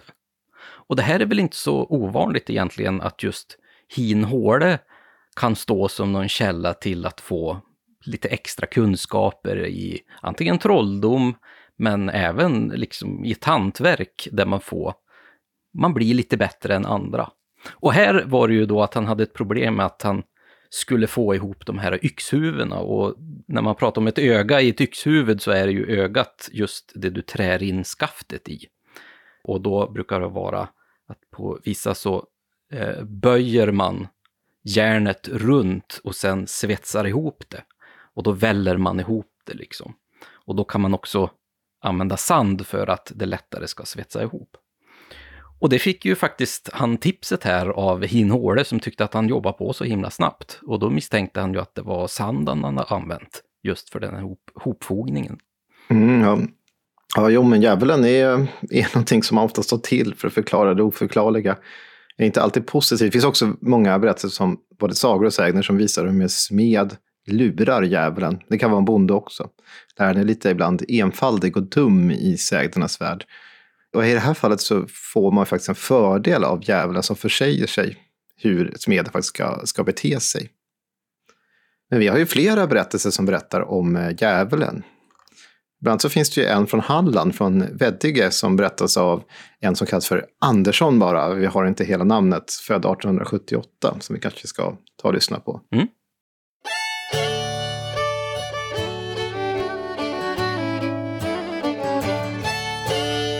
Min far talade om att det en gång hade varit några småpojkar som hade varit ute i skogen och plockat nötter.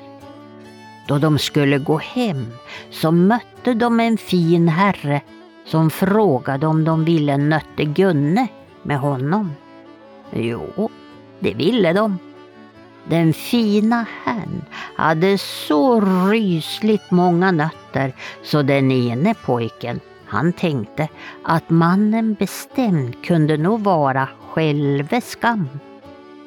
Så han sa till honom, är det sant fader Skam att I kan göra er så stor och så liten som I vill? Ja, det är allt sant, sa den fine herrn. Ja, jag har en nöt här som det är ett litet hål i. Då kan väl I göra er så liten så I kan komma in där då? Ja, det kan jag, sa Skam och så gjorde han sig så liten och kröp in i nöten. Men se då var pojken kvick till att slå en liten glugg i hålet så att skam inte kom ut ur nöten. På hemvägen gingo pojkarna förbi en smedja. Då gick pojken som hade nöten med skam i in till smeden och frågade om han kunde knäcka en nöt åt honom. Jo, nog kan jag det, sa smeden och tog fram en liten hammare. Men det gick inte att knäcka den. Det är allt en väldigt hård nöt, så i får allt ta till storslägga, sa pojken. Ja, då tog smeden storsläggan och drev till det värsta som han orkade.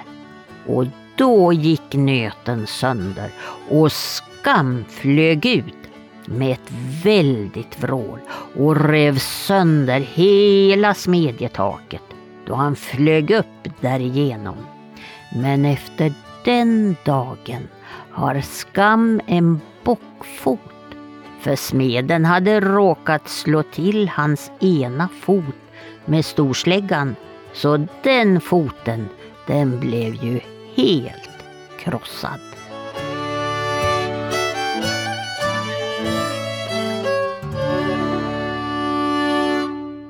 Ja, jag, jag tycker ju så mycket om de här äh, beskrivningarna som vi har kring när man möter bara djävulen eller hinhål eller skam här. Bara ute på vägen och han, han kan man liksom äh, bara prata med och här kan man till och med lura in han i en liten nöt av ett par småpojkar som är ute och leker. ja, men det är det som man överlistar honom. Han är ganska enfaldig i eh, folktron. Det är som vi har ju ett helt avsnitt om djävulen där vi pratar om detta också. Mm. Det går, det är inte den här kosmiska farliga fienden som man predikar om i kyrkan, utan han är farlig. Han är ute efter människans, människans själar. Men han går att lura. Man vet ju vad han driver för spel så att säga.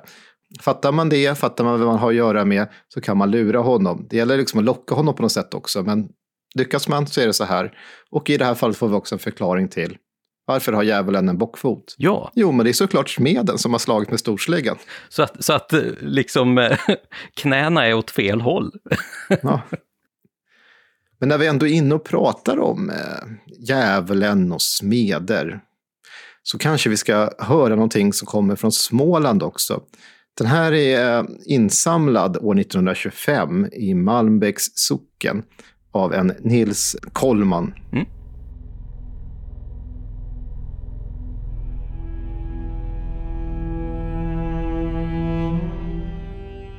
För länge sedan så fanns det en smedja på ett ställe i Malmbäck socken där det spökade alldeles förfärligt om nätterna. Den som då ägde smedjan, han ville gärna bli av med den. Men det var då ingen i trakten där omkring som ville köpa den på grund av allt spökeri. Men så hände det sig att två kringvandrande gesäller kom förbi där en dag och de slog sig i samspråk med ägaren och frågade om han ville sälja sin gamla smedja. Och han var nu så ärlig så han upplyste dem om hur det var. Men han tillade att om de kanske inte var så rädda av sig så kunde de ju köpa den i alla fall. Och i så fall så skulle han kunna sälja den till ett vrakpris. Efter någon stunds tvekan så gingo gesällerna med på det och så köpte de smedjan för några daler. På den tiden användes smedjan även som mat och som sovrum. Därför var de båda gesällerna nyfikna och undrade vad som skulle ske den första natten när de skulle sova där. Några torrvedstickor fästes i väggarna för att de skulle kunna se vad som hände och så la sig gesällerna på britsarna i avvaktan på vad som komma skulle. Framme vid tolvtiden började det att rackla borta vid dörren och in träder hin onde själv i egen person. Vederbörligen utrustad med både horn, bockben och med svans. Han gick bort till det stora bordet där gesällerna hade sina verktyg och han började att väsnas.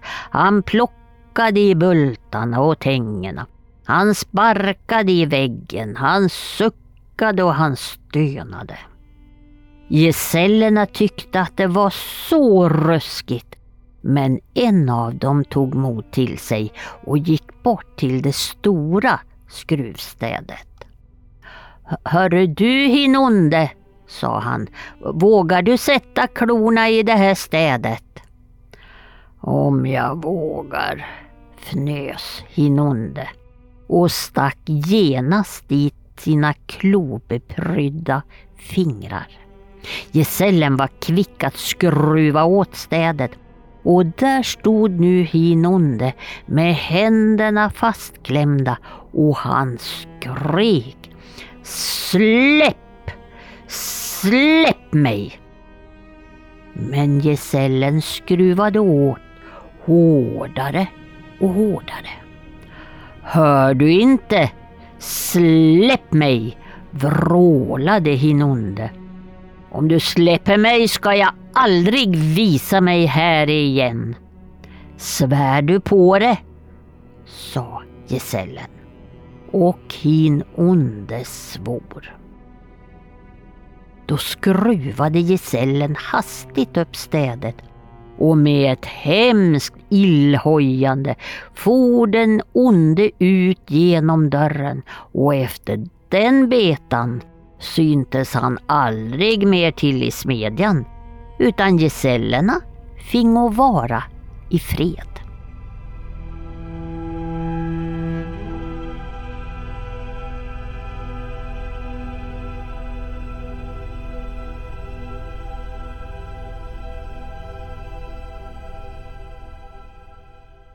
Hörde du Tommy, hur lyckas vi komma tillbaka till de här tumskruvarna igen?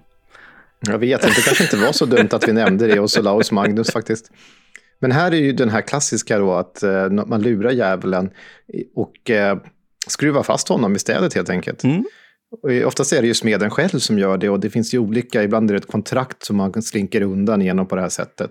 Men det gäller alltså att lura, lura djävulen och nästan hela tiden locka honom att göra mer och mer saker och inte, så att djävulen inte förstår vad han egentligen utsätter sig för. Och då kan man eh, komma ur det, om det är ett kontrakt som har gjorts.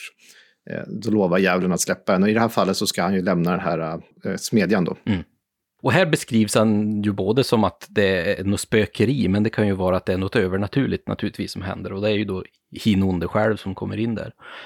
Jag har funderat lite grann på varför har smeden så ofta samröre med djävulen på det här sättet? Varför är det ofta så att smeden liksom kommer på det högre trappsteget hela tiden. Han vinner all, oftast över djävulen på det här sättet.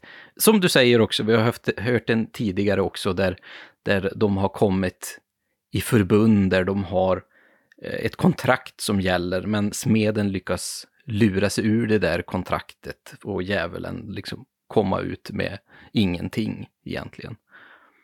Men det, det, är inte alltid uh, smeden, utan det kan vara mjölnare, en jordbrukare någonting annat också. Det, det tror jag handlar om att det är vanligt folk. Ja. Vi har makten att ta kontroll över djävulen om vi, om vi inser att han hotar oss. Att vi är smartare än djävulen. Vi kan överlista djävulen. Ah, okay, okay. Så vi kan, vi kan vara djävulska mot djävulen. Helt ja, enkelt. Ja. Och man kan driva med djävulen för att det är också en figur som av naturliga skäl man inte ska ha någon sympati till oavsett vad Rolling Stones sjunger senare. så är det ju tanken att man inte ska ha sympati för djävulen. Så att han är ju ändå ute efter våra själar. Mm. Det här känns ju också lite grann som att de här många berättelserna och sägnerna där djävulen förekommer, skulle man nästan ganska lätt kunna byta ut honom mot kanske en trollgubbe, en tomte, eh, Näcken till exempel. Kan det vara så att djävulen här har kommit in som kanske ett substitut eller eh, har fått byta plats lite grann med andra väsen och övernaturliga eh, figurer? Ja, men I och med kristendomen så blev ju djävulen den stora fienden. Och i många delar av världen, västvärlden åtminstone, så är ju ersätter djävulen, som man tittar på äldre sägner och sådär, där det finns bevarat, så kan det tyckas i vissa fall finnas som att de har berättats om andra väsen innan. Mm. Jag läste ju, jag tror jag sa det i den här podden förut också, läste jag en väldigt bra bok om eh, djävulen i England, ortnamn och folklore om det. Och där är det väldigt tydligt att en del särskilt områden som har varit nordiska, där kanske jättesägner håller sig kvar längre, men att djävulen ersätter nästan allt där som hotat mot människan. Även fairies och sånt där också kan ibland förknippas med djävulen, men det är för att man predikar så mycket om det. Man, man har gjort samma sak försök här också i Sverige, men det är eh, våra väsen har liksom på något sätt klamrat sig fast i folkmedvetandet.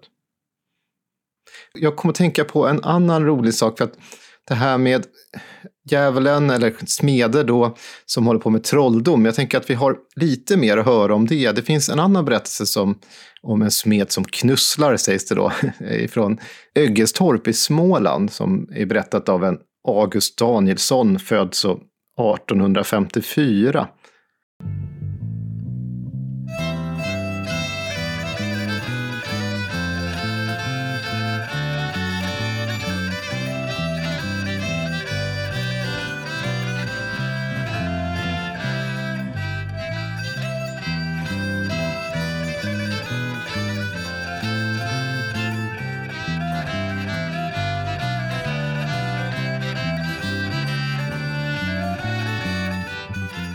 Smeden Eckerberg från Öggestorp, han knösslade han, som han sa då. Det vill säga att han hade allehanda trolldom och annat illtyg för sig. Han var kvacksalvare och han gjorde medicin och samt påstod sig kunna hjälpa kvinnor mot barn.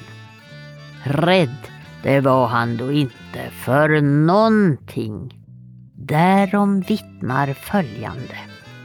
Eckerberg brukade på nätterna gå på kyrkogårdarna för att leta efter gamla benknotor. En natt när han var på Forserums kyrkogård så beslöt sig riksdagsmannen Samuelssons i Klockaregården att duktigt skrämma smeden. Samuelsson tog på sig en stor fårafäll med det ludna utåt och satte ett par grenar vid huvudet som såg ut som horn. Och så kröp han omkring där på kyrkogården. När gubben Eckerberg fick syn på den hemska uppenbarelsen så sa han Jaså, du är en tocken du. Men får jag bara tag i min krycka så ska jag ta med fan ge dig. Men se då blev riksdagsmannen rädd och sprang hem.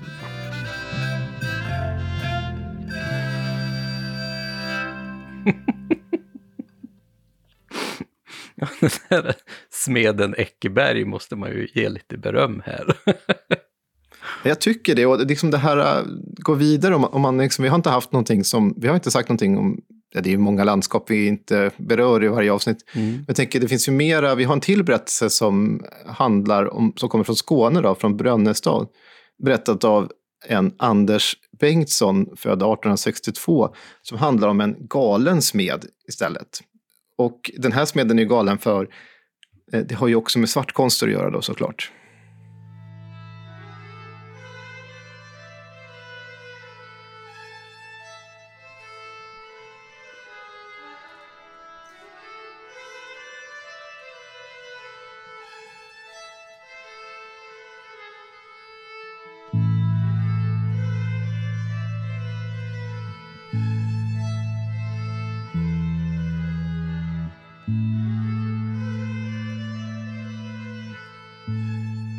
Mölle Jinsen, han talade om en gång för mig att där i Mellby, där fanns det en smed som var helt galen och han ville lära sig om svartkonster. Det var en gång när Mölle Jinsen var i kyrkan och rätt som han satt där så kände han på sig att det var något galet där hemma. Han skyndade sig hem och när han kom dit så satt den där lille smeden där med pysslingar runt omkring sig och de ville inte lämna honom i fred för de ville ju ha något att göra. För smeden, han hade fått tag i Merle Jinsens svartkonstbok och manat fram de där pysslingarna och så kunde han inte bli av med dem igen. Det stod en halmkorg full med ärtor skjortor där i stugan och Mölle Jinsen välte ut den på golvet och befallde pysslingarna att plocka upp alla ärtorna. Då fick de ju något att göra och smeden kunde bli fri från dem. Men eh, sen vågade smeden inte längre stanna kvar utan han tog upp mössan sin och sprang hem till sig. Och så kunde Mölle Jinsen mana bort alla pysslingarna. När eh, Mölle Jinsen och hans son Johannes hade dött, då tog den andra sonen, Oskar hette han, med sig hela svartkunskapen till Amerikat.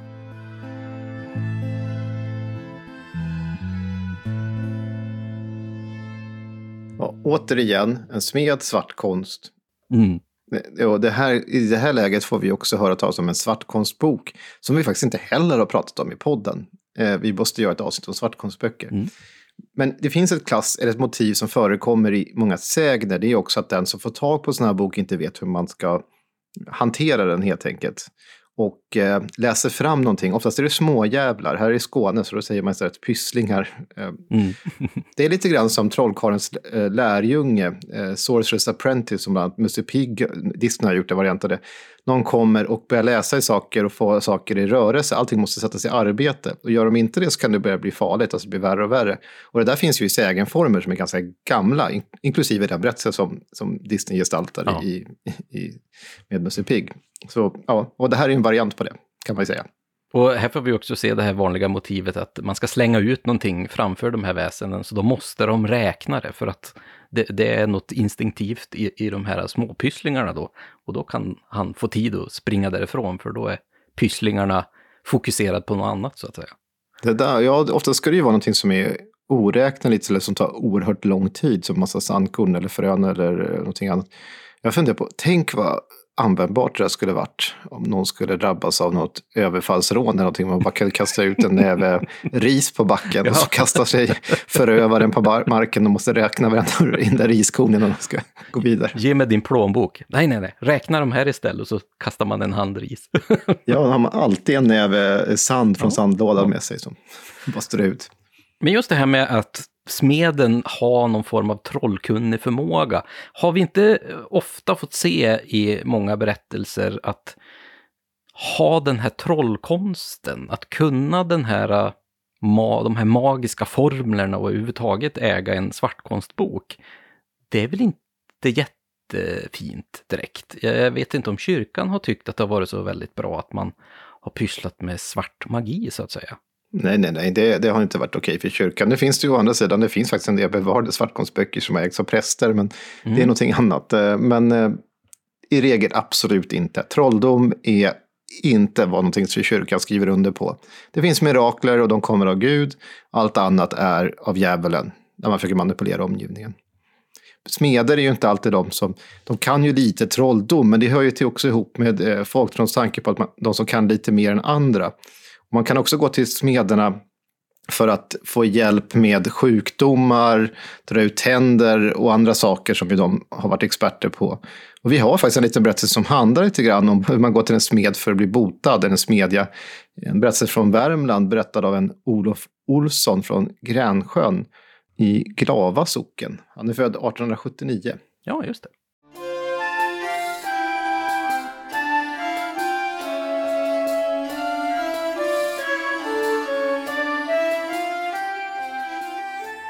Förr kunde man få bläster.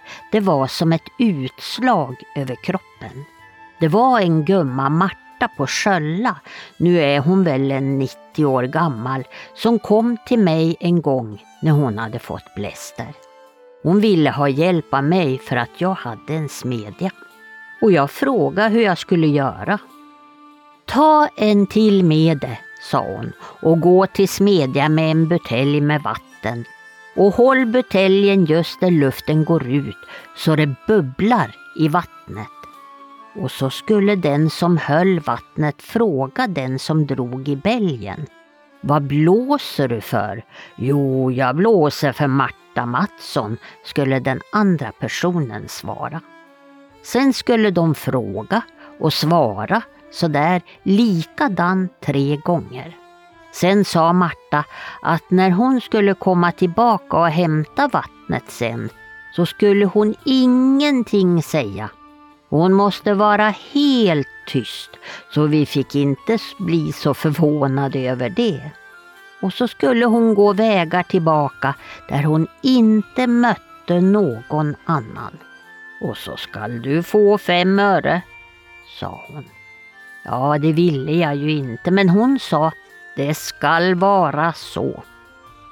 Och sen gav jag henne vanligt vatten i en butelj och eftersom jag hade hjälpt henne så välsignade hon mig efteråt.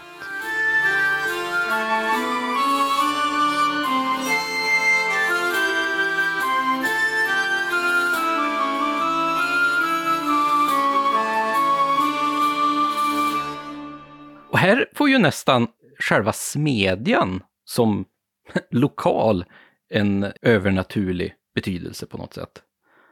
Ja, det finns ju en hel del som handlar om eh, i själva smedjan. Eh, saker som har gått igenom elden eller som vattnet som används. Allt sånt där kan vara laddat. Så det är lite det som man är ute efter här. Det finns ju berättelser som ibland kan uppstå som ett skämt som sen blir någon slags eh, eh vidskeplig sedvänja. Eh, jag har ett exempel här framför mig. Eh, då finns det i berättelsen så här. Jag flyttade en gång från Bollnäs till Hult i Östergötland, säger en gammal smed. Och då jag började arbetet pissade jag i härn. För det skulle gå bra. Det var ju mest skämt från min sida. Men de andra trodde på mig, för jag var ju från Dalarna. Bra gick det också för mig med arbete på den nya platsen. Och så en dag tog en annan smed och gjorde likadant för att det skulle gå bra för honom med.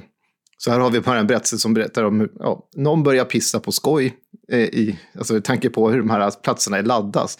Och sen börjar andra eh, härma, fast här i, i det här fallet är det uppenbart skämt.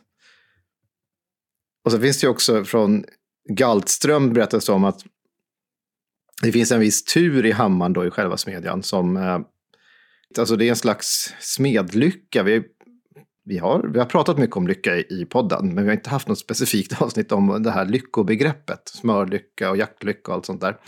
Men det finns också en viss lycka som hålls till smidet. Och eh, man vill inte i det här läget att det ska komma in en kvinna som inte var kyrktagen i smedjan. Om en sådan kom, då kördes hon iväg. Så att det onda som hon förde med sig, det finns mycket så som riktar sig mot kvinnor i, i manliga roller, så att inte onda inflytelser skulle komma med henne in i smedjan. De kastade man glödande kol efter henne, sägs det. Jesus. och glödande kol är något som också kastas mot övernaturliga väsen och sånt där som ett avvärjande medel. Mm. Ja, det finns ju väldigt mycket intressant just kring smedjan och smedens verktyg och hur egentligen man ska sköta smedjan också. Det finns ju mycket vad man kan säga lite slarvigt skrock och så här och att man har olika rutiner för att förebygga att inget ont ska hända just i smedjan. Och jag tänkte vi kanske kan återkomma lite grann till Andreas och Linnea här som faktiskt har jobbat så otroligt länge med smidesyrket. Så att de, de kanske kan få berätta lite för oss om sådana här specifika rutiner man borde hålla sig till i smedjan så att det inte går på tok. Mm.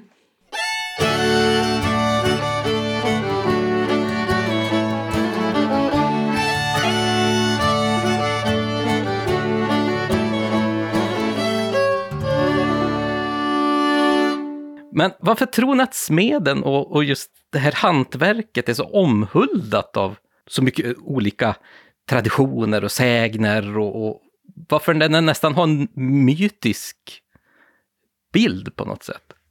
Om man, om man tänker folktro och de här ordspråken och vart de uppstår eh, så tror jag ju att eh, bruksmiljöerna har varit en, en grogrund Eh, där man liksom bor och jobbar på samma plats. Eh, och det är både smeder, det är masugnar, det är kolare.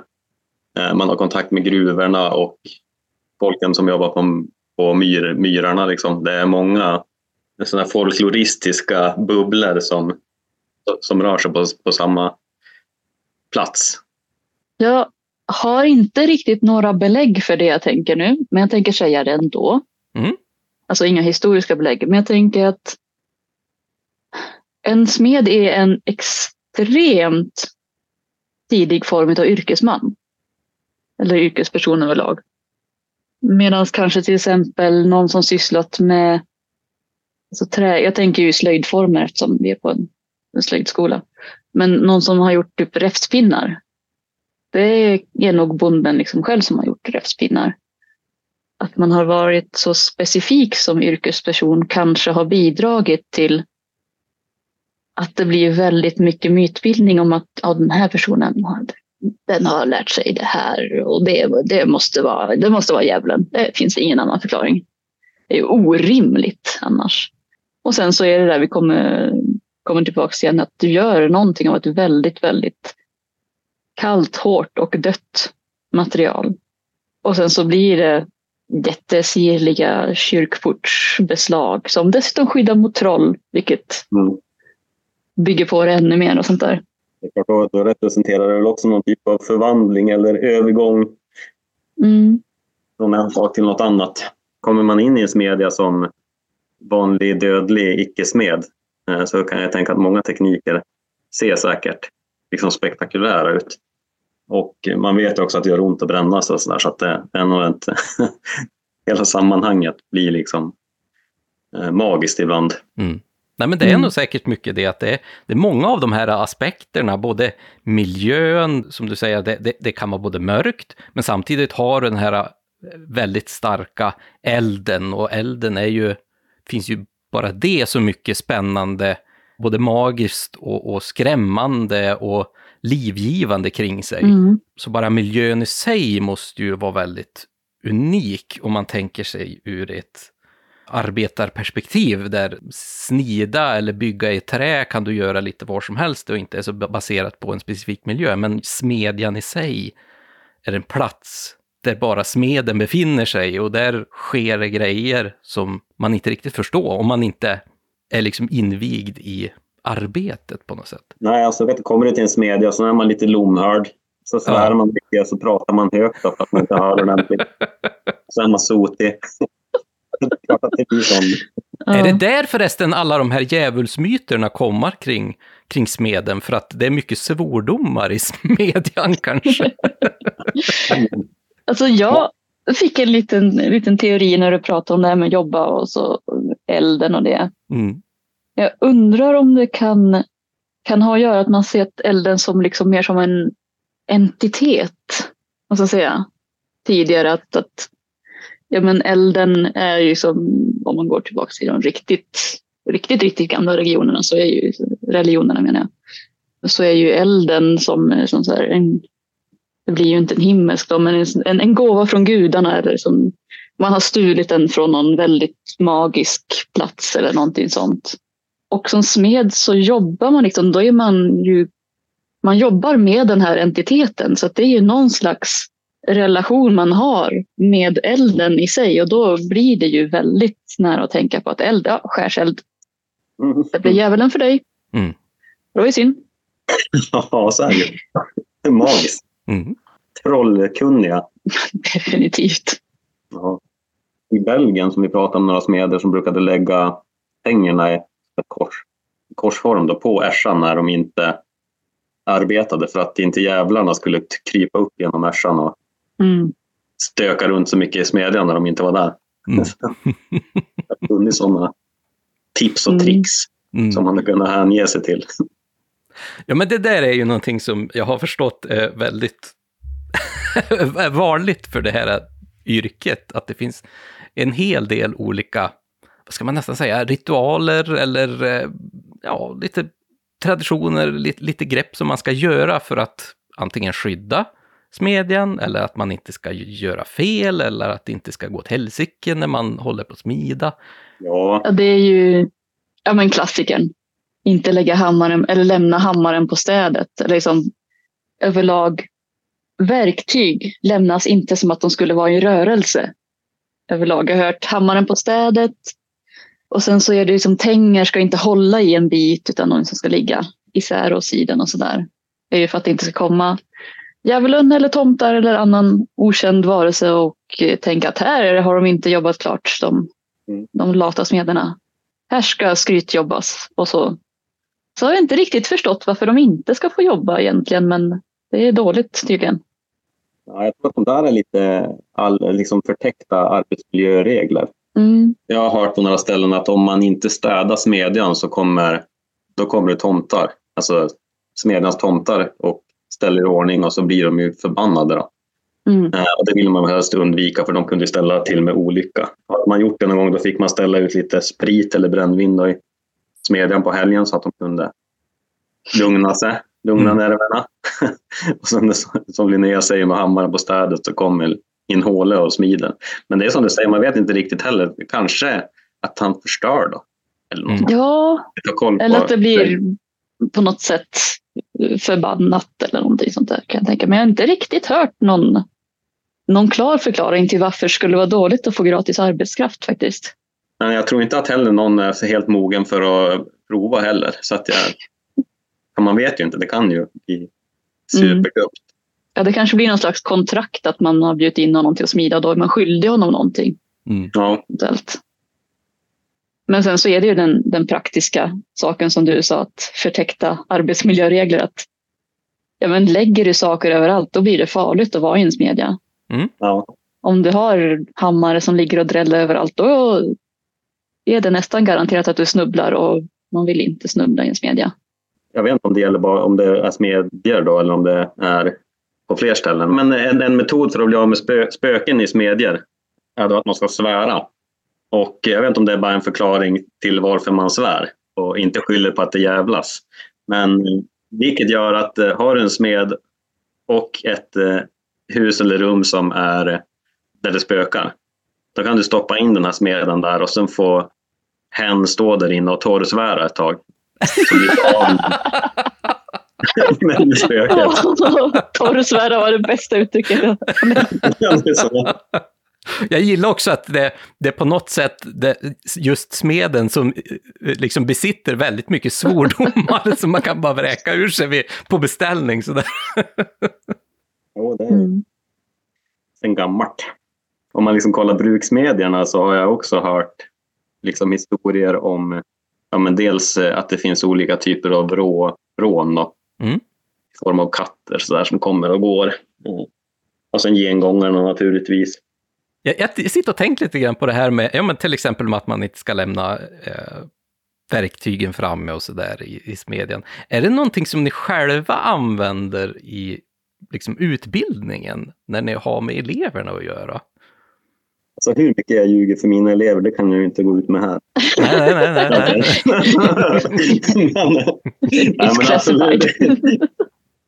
Det är ju naturligtvis eh, samtalsämnen. Ja, ja, men definitivt. Är det ju. Och det är ju ett roligt sätt att hänga upp ordningen på kanske. Mm. Eller så. Det, det, för det är många liksom, moment man går igenom som är kopplade till någon form av myt eller saga eller historia. Liksom. Mm. Man ska härda någonting, du vet när det är sol eh, eller i månljus i kisset från en rödhårig pojke i mars. Och, alltså det finns många sådana här eh, tics.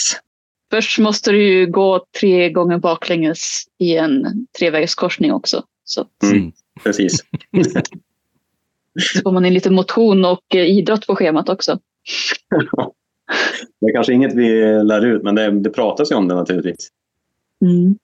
Ja men samma här. Det är inte så att man lär dem, lär dem att så här är det. Men det känns ändå viktigt att prata om myter och ja, men, prata om kanske verkliga saker också. Som ja, men, kollarhistorier och sånt där. För att det bygger ju någon typ av... Det ger ett mervärde.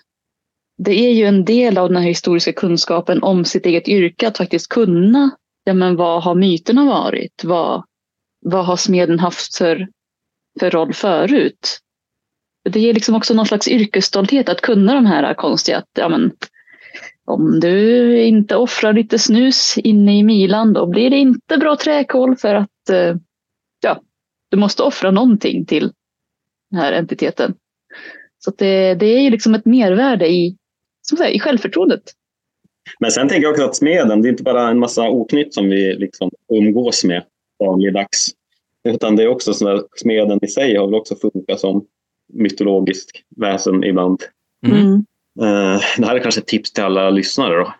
Att om man bjuder in en smed på sitt bröllop så kommer vi att liksom välla ihop förhållandet på ett sätt som gör att det inte kraschar. Liksom sammanfogande och svetsande att ha med Mm. oss. Så där är vi väl öppna för förslag antar jag. Mm. Ja, nej. det, det, det, det där var någon form av öppen inbjudan till alla, alla det lyssnares bröllop här. Jag menar, där är det ju också en smed som antagligen har tillverkat ringarna, till exempel. Mm. Bara det är ju också en viktig del. Men som du säger också att som smedens funktion att sammanfoga Mm. och att det blir beständigt.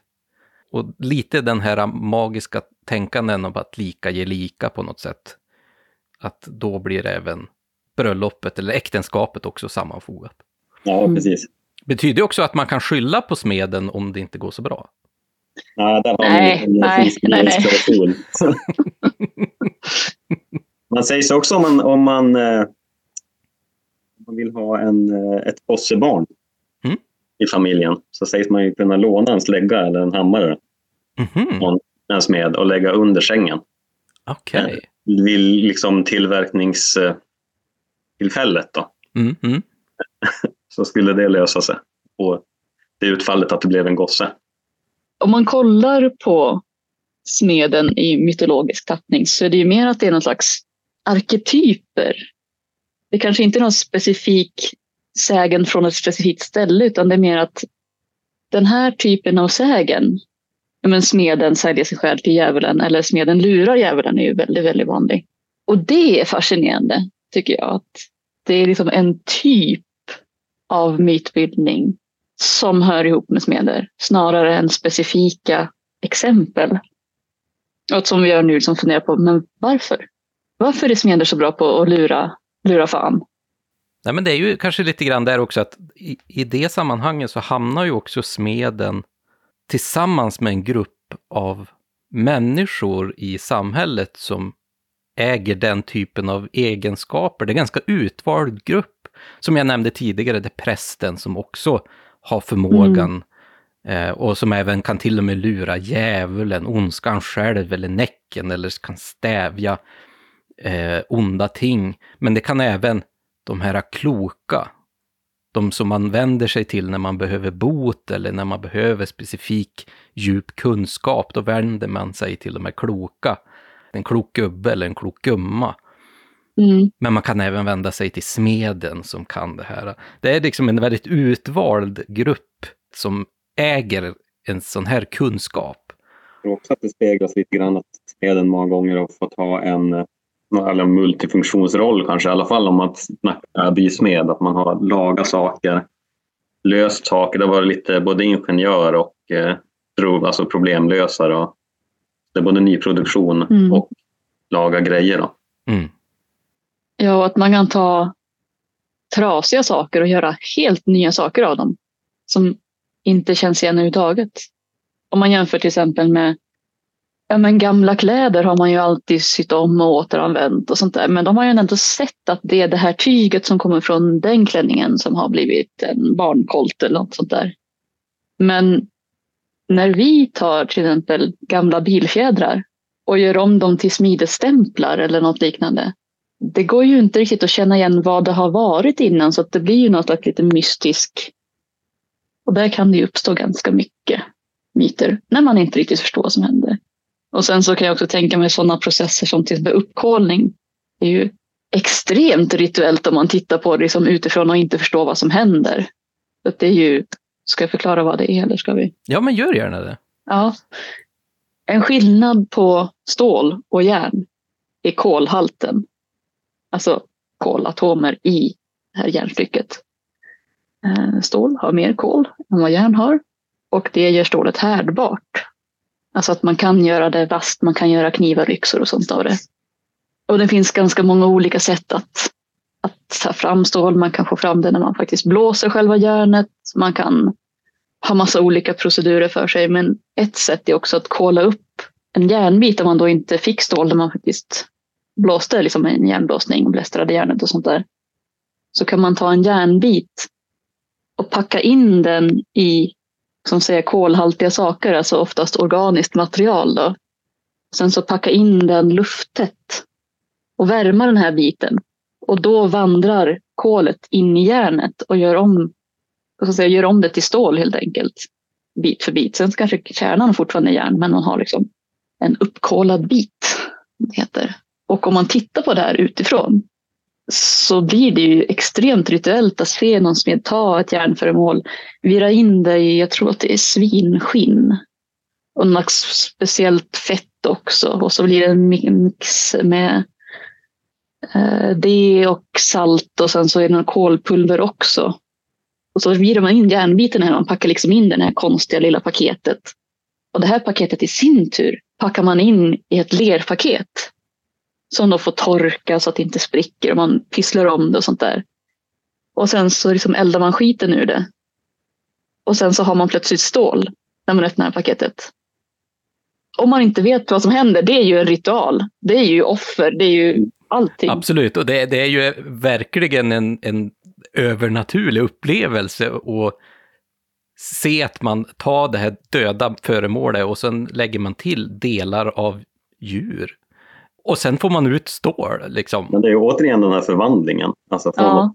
Mm. Och då, då, jag menar utifrån, då det bärs in någonting i smeden och sen kommer det ut något helt annat. Det blir ju aldrig skrot liksom. Det går ju att använda mm. allt. Och speciellt inte i en bruksmiljö när du kan faktiskt om du har några avhuggna metallbitar så kan du faktiskt smäll, slänga ner den i smältan och smälta om det.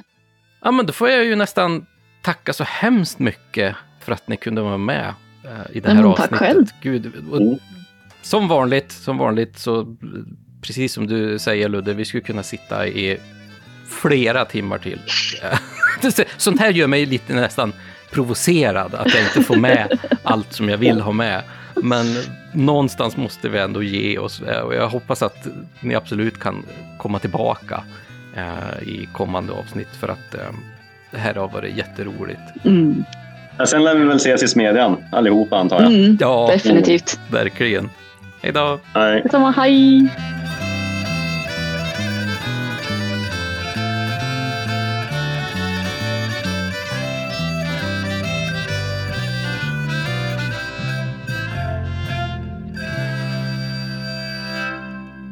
Det är alltid fascinerande att höra lite grann om hur alltså det vi kallar för skrockar. Mm. Vidskepelse sa man ju också nedvärderande i och för sig. Men den här typen av föreställningar eh, lever kvar än i, i modern tid. Man fortfarande pratar om det. Mm.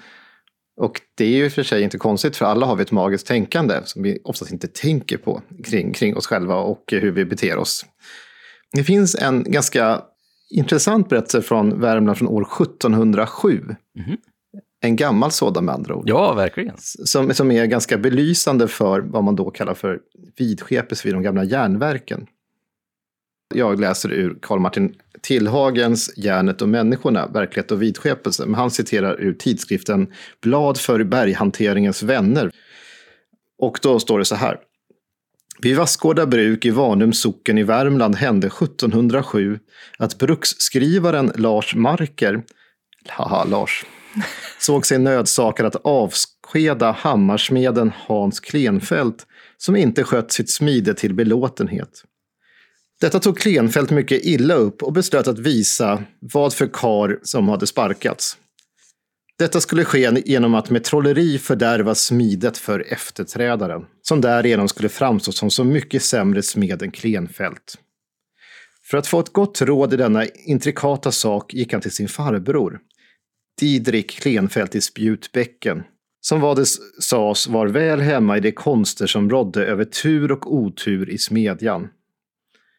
Han fick mycket riktigt också lära sig hur en slipsten skulle dras och helt belåten tog han smeddrängen Nils Hindersson och sin son med sig och begav sig på kvällen tredje dag pingst till avrättningsplatsen vid Karlskoga. Trots nattmörkret lyckades han där samla ihop en bit av en eker och en dymling från ett stegelhjul samt en benknota från en avliden missdådare. Väl aktade sig att vidröra dessa makabra ting med bara händer eller låtande dem komma i beröring med jorden. Och nu hade han medel i sin hand att förstöra smideslyckan för efterträdaren. En kväll, några dagar därefter, smög sig Klenfält in i smedjan. Han borrade ett hål i hjulstocken till smälthammaren och i lagg och ställbron och pluggade sedan igen hålen med bitar från stegelhjul och dymling. Så gömde han benknotan vid bakhällen i härden under litet slagg och smög sig därifrån och inte ett ont anande begynte Klenfeldts efterträdare att smida. Men hur han än bar sig åt gick det rått för honom. Det var stört omöjligt att få till en riktig smälta. Efter 14 dagar började smeden dra sina misstankar. Det måste vara trolleri med i spelet. Och han gav sig till att undersöka smedjan. Det stod inte på förrän han hade avslöjat anslaget med hans goda tur. Klenfeldt tog sig förhör. Han nekade naturligtvis och sattes då i kistan. Där mjuknade han snart och bekände. Saken föreföll så allvarlig att allenast för detta ärende blev ett två dagar långt hammarting hållet. Klenfeldt fälldes och domen som underställdes själva bergskollegium och för godkännande var sträng och då skulle han citat för sina begångna föredömliga konst vidskepelse av löfgeri skulle han då löpa tre skarpa gatulopp genom 150 man varpå genomlöpande för en gång räknat samt därtill stå uppenbar kyrkoplikt. Hans två medhjälpare bötfälldes för att de befordrat gärningen till vardera 40 mark silvermynt och att undergå kyrkoplikt samt för att de försummat gudstjänsten fjärde dag pingst till likaledes 40 marker silvermynt vite. Klenfeldts attentat slutade alltså väldigt, väldigt illa. Och här är ju då ett bra exempel på stångjärnssmedernas vidskepelse som, man, mm. som Tillhagen skriver. Jag vet ju att eh, många av våra lyssnare är ju faktiskt smeder. Uh, och här kan ni ju kanske få, få, få en liten indikation på att uh, håll er i skinnet uh, om ni ska göra några trollkonster där för att uh, förstöra för era kollegor. Um, det kan gå riktigt illa faktiskt. Och så återigen så handlar det ju om, om, om tortyr. ja. ja men alltså, det, det, det, är ju, det är ju natur, alltså det är naturligt men att man skulle då stjäla likdelar. Mm. Och, och, för all del ska väl det också göra än idag. Men vi har ju inga stegelhjul får man väl tacka gudarna för. Men att även sånt kommer till tals här.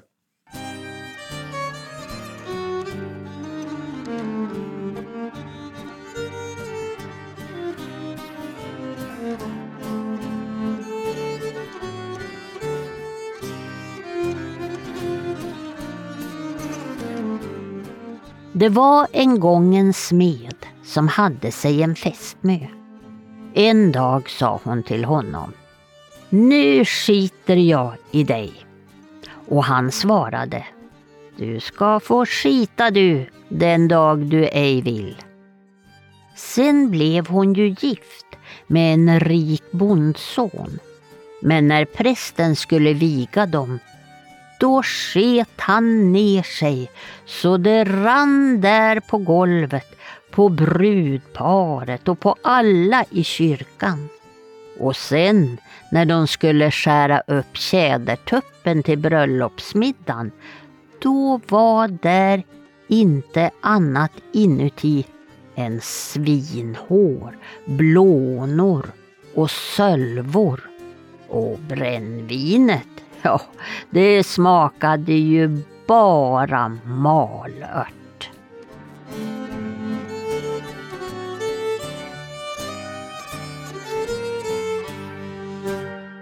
Ja, äh, det kanske var någon form av tortyr det här också för eh, det här stackars brudparet snarare. Här var det ju den här eh, smeden som hämnades på sin före detta fästmö snarare. Med att den nya fästmannen sket ner sig över till och med bruden och hela kyrkförsamlingen. Så bokstavligen sket Jag vet inte om det är bättre om vi går från tortyr till träck här, men det, det är absolut. Nej. Det, men här har vi återigen smedens trolldom, trollkunnighet mm. som ligger till grund. Och man ska då käka en uh, tjädertupp som man ska skära upp så är det bara massa då äckel i den och sen så vinet blir till malört. Mm. Så, inte det, det, sättet som, ingen absint som man ska dricka i fina sällskap, utan här, här är då menat att det ska vara riktigt vidrigt vi kanske ska ha en viss respekt för eh, våra smeder, för att vi vet aldrig vad som kan hända om vi, vi, vi sätter er i dålig dager, helt klart. Vad tror du, ska vi lyssna på en till text här också, berättat fint av Eva? Mm.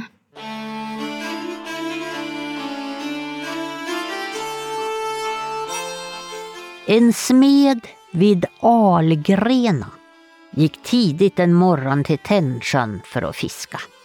När han hade kommit ett stycke fram på mon så fick han se ett fint fruntimmer klädd som den allra grannaste herrskapsmansell. gå där framför honom och som det var smutsigt efter vägen så lyfte hon upp klädningen där bak till. Han skyndade på sina steg för att hinna förbi henne och få se hur hon såg ut i ansiktet. Men hur fort han än gick så hann han inte upp henne. Ständigt höll hon sig jämt några famnar framför honom. Han funderade väl emellanåt att försiktigt vidröra henne med metspöet men då det var ett så fint fruntimmer kunde väl något sånt inte passa sig, tänkte han.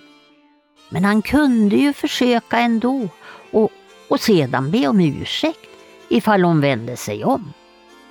Han lyfte därför upp metspöet för att sakta kittla henne i nacken med spetsen. Men då försvann hon ur hans åsyn och han kunde inte begripa vart hon hade tagit vägen. När han kom fram till sjön och sköt ut ekan från land så kunde han omöjligt få någon styrsel på båten. Den svängde runt och runt omkring så han blev alldeles yr i huvudet. Till slut hoppade han ur, drog båten i land och vände om och gick hem. Nu kunde han ju förstå vem det granna fruntimret var och han lovade sig själv att aldrig mera gå ut på mete så där tidigt på morgonen.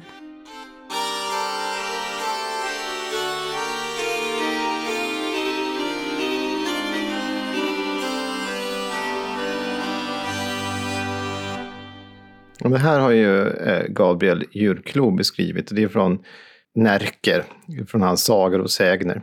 Och här eh, får man ju då lära sig att eh, man ska kanske inte vara så här ohärtig och peta sjörået i nacken med ett metspö liksom. För då går det åt helsike sen när du ska ut och fiska.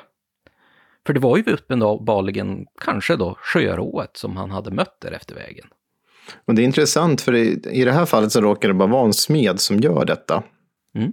Men just smederna och eh, smedjan är ju också platser som i många fall förknippas med övernaturliga väsen. Många håller alltså till på de här platserna. Eller så, eller så är det så att smeden gifter sig med ett övernaturligt väsen. Det finns faktiskt en från dina trakter här, från Ångermanland. Ja. Från Olofsfors bruk. Jag vet inte om du känner till vart den ligger? Jo då, det ligger jo strax norr om mig faktiskt. Men där fanns det ett rå i stångjärnsmedjan. Det sades att det hade gestalten av en ung kvinna. Och hon hade förälskat sig i en man och även lyckats fånga den här mannen. Då. Den utvalde var en räckardräng vid hammaren, alltså en smed. Då och då kunde man skymta rået i smedjan bärande ett barn på armen. Detta var räckardrängen far till, mente man. Jag skulle gissa på att den här räckardrängen heter Lars, men jag vet inte om det stämmer. Mest såg man henne hålla till i Labbi och hon fick därför namnet Labbi-Sara. Till slut ville emellertid smeden bli fri förbindelse med rået. Han gick därför till prästen i Häggdånger som hade namn om sig att kunna hjälpa i sådana här fall. Och efter det besöket försvann också Labbi-Sara från Olofsfors bruk. Mm. Och det finns samma berättelse från Åvike bruk också. Mm. Men det är, det är lite intressant att men annars är det ju att ett rå kan hålla till, det kan vara en tomte också. Det kan visa sig i formen av en katt, det kan visa sig i formen av en tomte, alltså som en tomtegubbe i folktron. Som, som håller till vid smedjan eller i närheten. Det finns också berättelser som eh, berättar om hur där en smedja har brunnit ner eller försvunnit, hur man kan höra hur det liksom byggs på platsen och då är det övernaturliga väsen som eh, försöker liksom återinföra den så att säga. Och det är ju ofta också, eh, i alla fall tror jag, kommer nu här. Nu kommer jag bli rättad och jag hoppas att jag blir det av våra kära smedshistoriker, smideshistoriker. Men just att lite mer modernare då, smedjor eh, höll kanske också till vid åar och vattendrag, alltså rinnande vattendrag där man kunde få hjälp av vattenkraften för att kunna använda eh, vissa verktyg och så liknande. Och där är ju inte alls så ovanligt att man möter den här typen av olika rån till exempel. Och såklart även då, kanske vad ska man säga, djävulens motsvarighet i den eh, svenska folktron, Näcken. Och i de här så är det ju också då så att eh, det här rået som råder över platsen, det är ju kvarnar och sågar och så vidare. Mm. Som, som hör ihop med smedjan det, det är en naturlig följd så att säga av den platsen. Det finns ju också många berättelser om den vita frun som är en slags spökliknande gestalt som visar sig vid sådana här eh, smedjor också. Jag tänkte på en annan sak som vi inte pratade om förut. Det, är också, det finns ju en del saker som man ska undvika i, i smedjorna. Man ska ju, eller som man ska se till att göra. Man ska hälsa när man kommer in i den till smedjan. Det är ju en sån här eh, som finns från flera håll beskrivet. Inte helt eh, annorlunda mot vårt senaste avsnitt som handlar om ett övernaturligt väsen, då, gruvfrun, som man också gärna skulle hälsa på när man kommer in i gruvan. Här ska man hälsa på smedjan eh, när man kommer in som smed. Ibland ska man inte lägga hammaren på vissa ställen och det finns vissa ritualer som tydligen finns inne i smedjorna. Det finns också berättat att man ska akta sig för att ofreda råttorna. Jaha. Det ansågs inte bra att slå ihjäl råttor i smedjan. Och det är ju kanske konstigt med tanke på att de ibland knycker matsäckar och sånt där. Och det finns eh, berättelser bland annat från Närke, Ramunderboda socken där en dräng skiter i det här förbudet och slår ihjäl råttor. När han senare ska försöka sig på att vara hopslagare drabbade honom tången med sådan våldsam kraft över halsen att han genast dog. Så det var ett ganska Oj. snabbt straff han fick av detta. Mm. Eh, och då ska han döda den här drängen satt i likboden bredvid smedjan. Och då ska råttorna ha gett sig på den här drängen och tilltyglat honom ordentligt. Den här sagesmannen som berättat det berättar också, jag hörde varken förr eller senare att råttorna rört lik, säger eh, sagesmannen. Nej, just det. Så då är det, då är det något sådär hat mot den här ja. drängen som har slagit ihjäl i, i smedjan. Och den här som vi pratade om förut med att lära sig välla som då djävulen gjorde, det finns ju sägner där, där tomten istället lär ut samma saker mm. i mhm. smedjan. Mm. Så vi har, alltså, vi Vi, vi, pratade ju om det i det här avsnittet från live, från Sätergläntan och vi, om massa så små ritualer. Och sen har ni hört mycket av våra gäster här. Men, men det finns fullt, inte så förvånande. Men vi har ju också en liten berättelse som handlar om ett annat känt väsen, ett annat väsen som håller till i vattnet. En väldigt kort sådan från Värmland, från över Ullerud, berättade av Karl Nyvall, född 1847.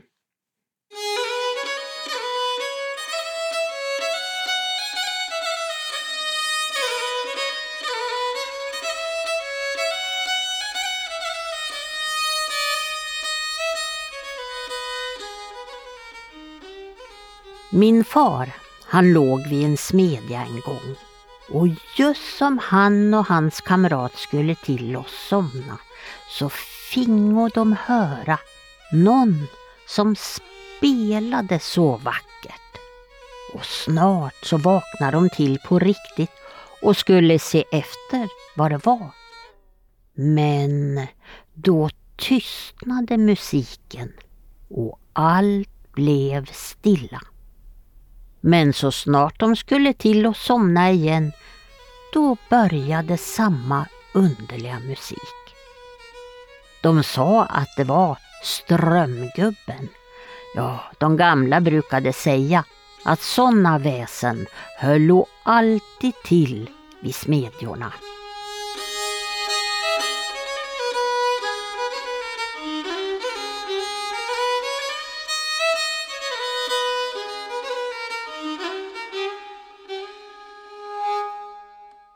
Här får vi ju höra just att Näcken också håller sig runt de här smedjorna. Eh, som, som något väsen som nästan är kopplat till en specifik plats, mm. precis som tomten då. Ja, och det är återigen vattendragen och som närheten, så att det, det är inte konstigt, tänker jag, att olika väsen håller till just i hammaren här, nära, nära smederna.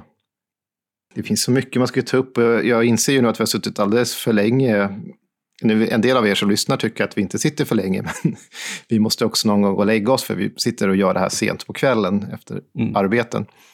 Men det finns en sak som jag inte tagit upp, det är också den här föreställningen som finns i någonting som är, är av järn som kallas för ångerstål. Det här är en form av eh, järn eller stål då som har smitts. Men man har gjort det och ägaren har gjort någonting som man sen får ångra, oftast att man har kanske dödat någon mer eller skadat någon. Mm -hmm. Och då får den här en magisk kraft och då kallas det för ångerstål. Det, det är någonting man kan, som man kan hitta ibland i en del upptäckningar så att man bara nämner ångerstål. Det kan se i folkmedicin också, att du ska ha si och så saker och ångerstål är någonting av det. Och då är det oftast någonting som någon har använt och ångrat sig, kanske har dödat någon och sen ångrat sig för det.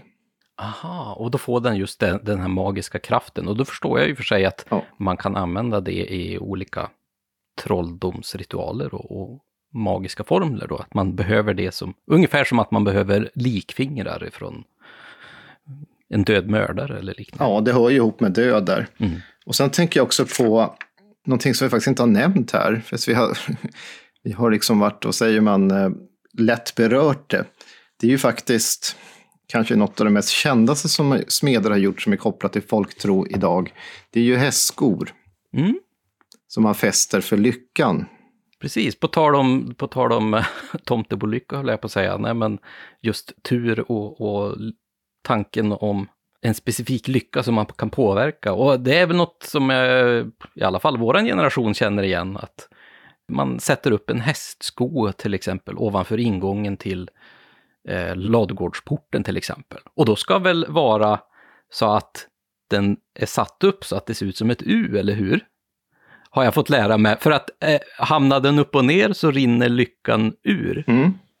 Det, det är faktiskt vad man hittar i ganska många upptäckningar. Jag har också hittat motsatsen. Ja. Att den ska hänga ner. Så att det är lite grann som folktron är just sådär, det är inte alltid helt självklart. Men jag tycker att den rimligaste är just att den ska vara U-formad, att den håller lyckan kvar. Mm. Men det där anses ju att allting som kommer också av smeden, och det har vi väl sagt inledningsvis, men det är ju, det är ju skapat av människan. Och allt sånt där som har tillverkats av en smed i regel är också starka skyddsmedel mot övernaturliga väsen och trolldom. Mm. Det är ofta det står stål eller järn som man ska använda för att skydda sig mot det övernaturliga.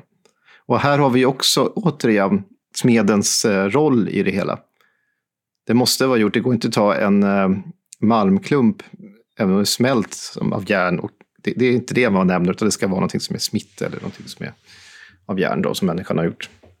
Vad tror du Tommy, ska vi ta här som en sista berättelse innan vi knyter ihop och stänger smedjan här? Och då kan vi ju lyssna på en berättelse ifrån svenskbygderna i Estland faktiskt. Som är, också är från Finlands svenska folkdiktning.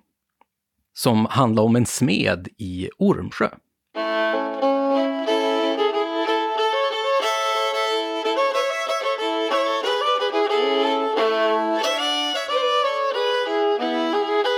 En smed i Ormsö fick besök i smedjan av en ande som härmade honom i allt som han gjorde.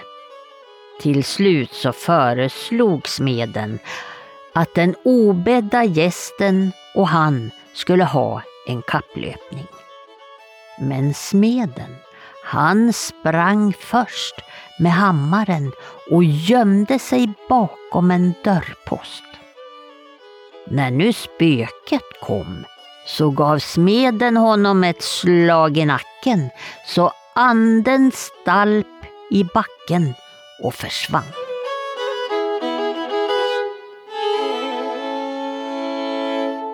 Här får vi än en gång, som nästan en sista knorr här, höra om hur smidig och eh, kvick och smart smeden verkar vara och överrumplade övernaturliga riktiga. Att han kan till och med ta sin hammare och egentligen slå slag på ett spöke. Mm.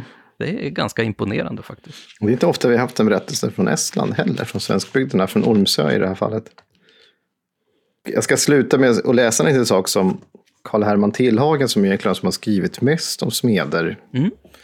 i, i, två böcker faktiskt. Men den stora är ju den här äh, Järnet och människan.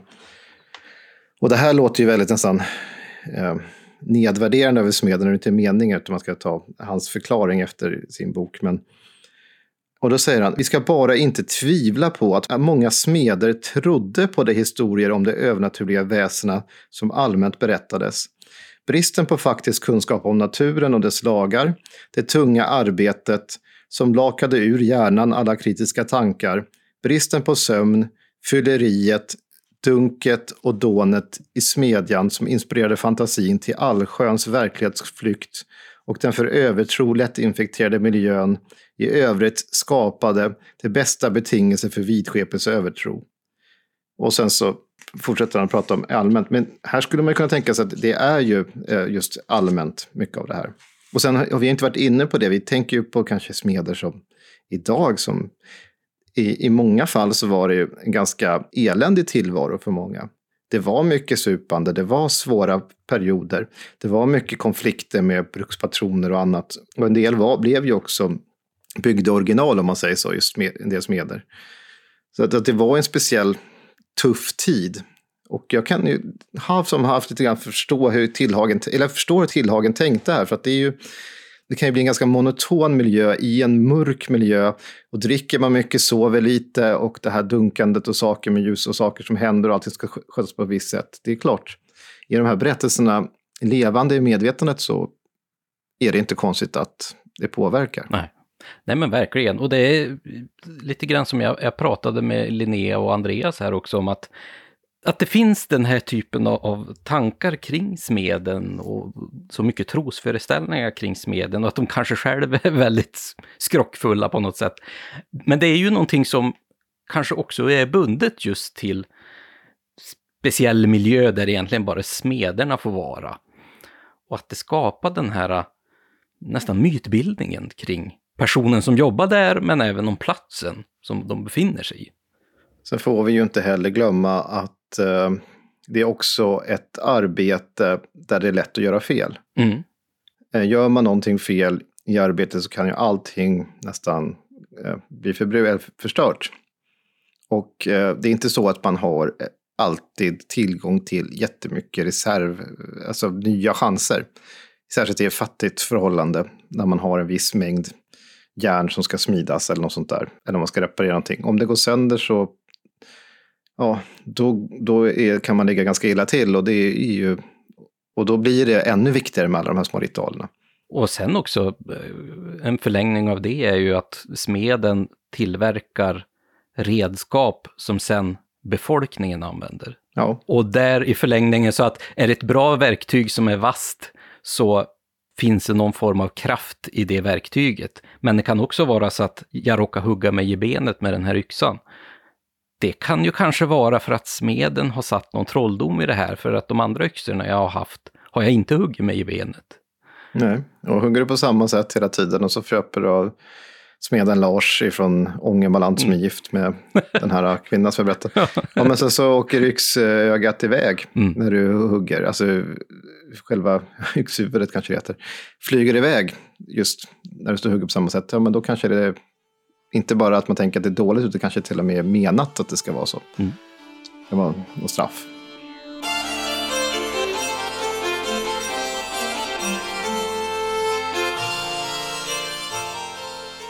Nej, det finns som sagt så otroligt mycket intressant kring de här yrkena och jag tycker definitivt att nu när vi har pratat om just smeden och allt som sker kring det värvet så tycker jag att vi ska också gå in lite grann i framtida avsnitt på andra. Speciellt som du säger, sömnad är ju otroligt spännande. Och vävnad tänker jag snarast på. Ja. Ja, nej men smeden är ju fascinerande. Det finns så, så mycket att säga och nu har vi sagt ganska mycket. Och eh, det är väl dags att gå vidare. Och framtida avsnitt tror jag att en del lyssnare nu eh, kanske hoppas på att vi snart ska återgå till ett övernaturligt väsen igen. Och det har vi ju pratat om att det kommer ganska snart. Ja, jag vet inte, har vi bestämt vilket väsen det ska vara? Mm. Nej, eh, någonting som ligger nära till hands är dock eh, att vi ska prata om nylingar eller döda barn som spökar. Mm. Det skulle vara ganska intressant. Men eh, hörru hörde du, då kanske vi ska ta och avrunda med att säga tusen tack till både Andreas och Linnea som eh, kunde vara med och få berätta just om hur det är att jobba som smeder egentligen. Och även att utbilda nya framtidens smeder. Och så som sagt, eh, stort tack till Eva för att du alltid ställer upp och läser in de här fantastiska berättelserna. Du är helt magisk, bara du. Och vill man eh, lyssna på mer av oss så kan du ju såklart eh, lyssna på alla tidigare avsnitt som vi har gjort. Eh, vi, det, vad är det här? 38 eller något sånt där, tror jag. Och så har vi ju också då vår Patreon-sida där vi pratar om ännu mer folktro men eh, kanske just nu specifikt så har vi ju de här eh, ganska stora serierna där vi pratar om fornnordisk mytologi och även hela världens folktro. Där nästa avsnitt ska handla om Kalevala. Precis, eh, den som heter Hela världens folktro, där blir det Kalevala nästa mm. ämne. Och sen har vi lovat i fornnordisk mytologi så ska det handla om kriget mot vanerna. Ja. Van, vanakriget. Och det senaste avsnittet vi gjorde i de här serierna var väl, i fornnordisk mytologi var det Balder som blev ett väldigt långt avsnitt. Och sen hade vi ett avsnitt om Baba Yaga. Mm. Så att där, där finns det väldigt mycket gottigt eh, att ta del av, helt klart. Och vill man följa oss på sociala medier så kan vi, man följa oss på snabel oknytt Sverige. Eller ja, sök på oknytt Sverige så hittar ni åt oss både på Instagram och Facebook. Och Tommy kan man ju också följa på Instagram om man vill, där den heter Suttungsbrew. Så att, eh, ja, vad tror du? Har vi gjort ett, ett, en bra insats nu, det här första avsnittet för året? Det, det får lyssnarna döma. Okej okay då. Ja. Jag tycker i alla fall att vi har varit ganska ja. duktiga. jo, men det känns... Det, det, blev, det blev ett ganska mastigt eh, avsnitt. Mm. Och det är klart, det är ju inte helt utan att eh, jag måste ju också tacka dig Tommy som vanligt att eh, du är med och surrar. Jag ska tacka allihopa, folk inklusive dig. Mm. Ja, vad kul. Jag får ett tack också, hörde ni det? Det här ska jag komma ihåg. Hörde du, hörni ni, alla underbara människor. Vi ses och hörs i nästa avsnitt. Hej då! Hej då! Podden är producerad av Oknytt, Nordisk folktro och mytologi och intromusiken är komponerad av Mark Jungerman.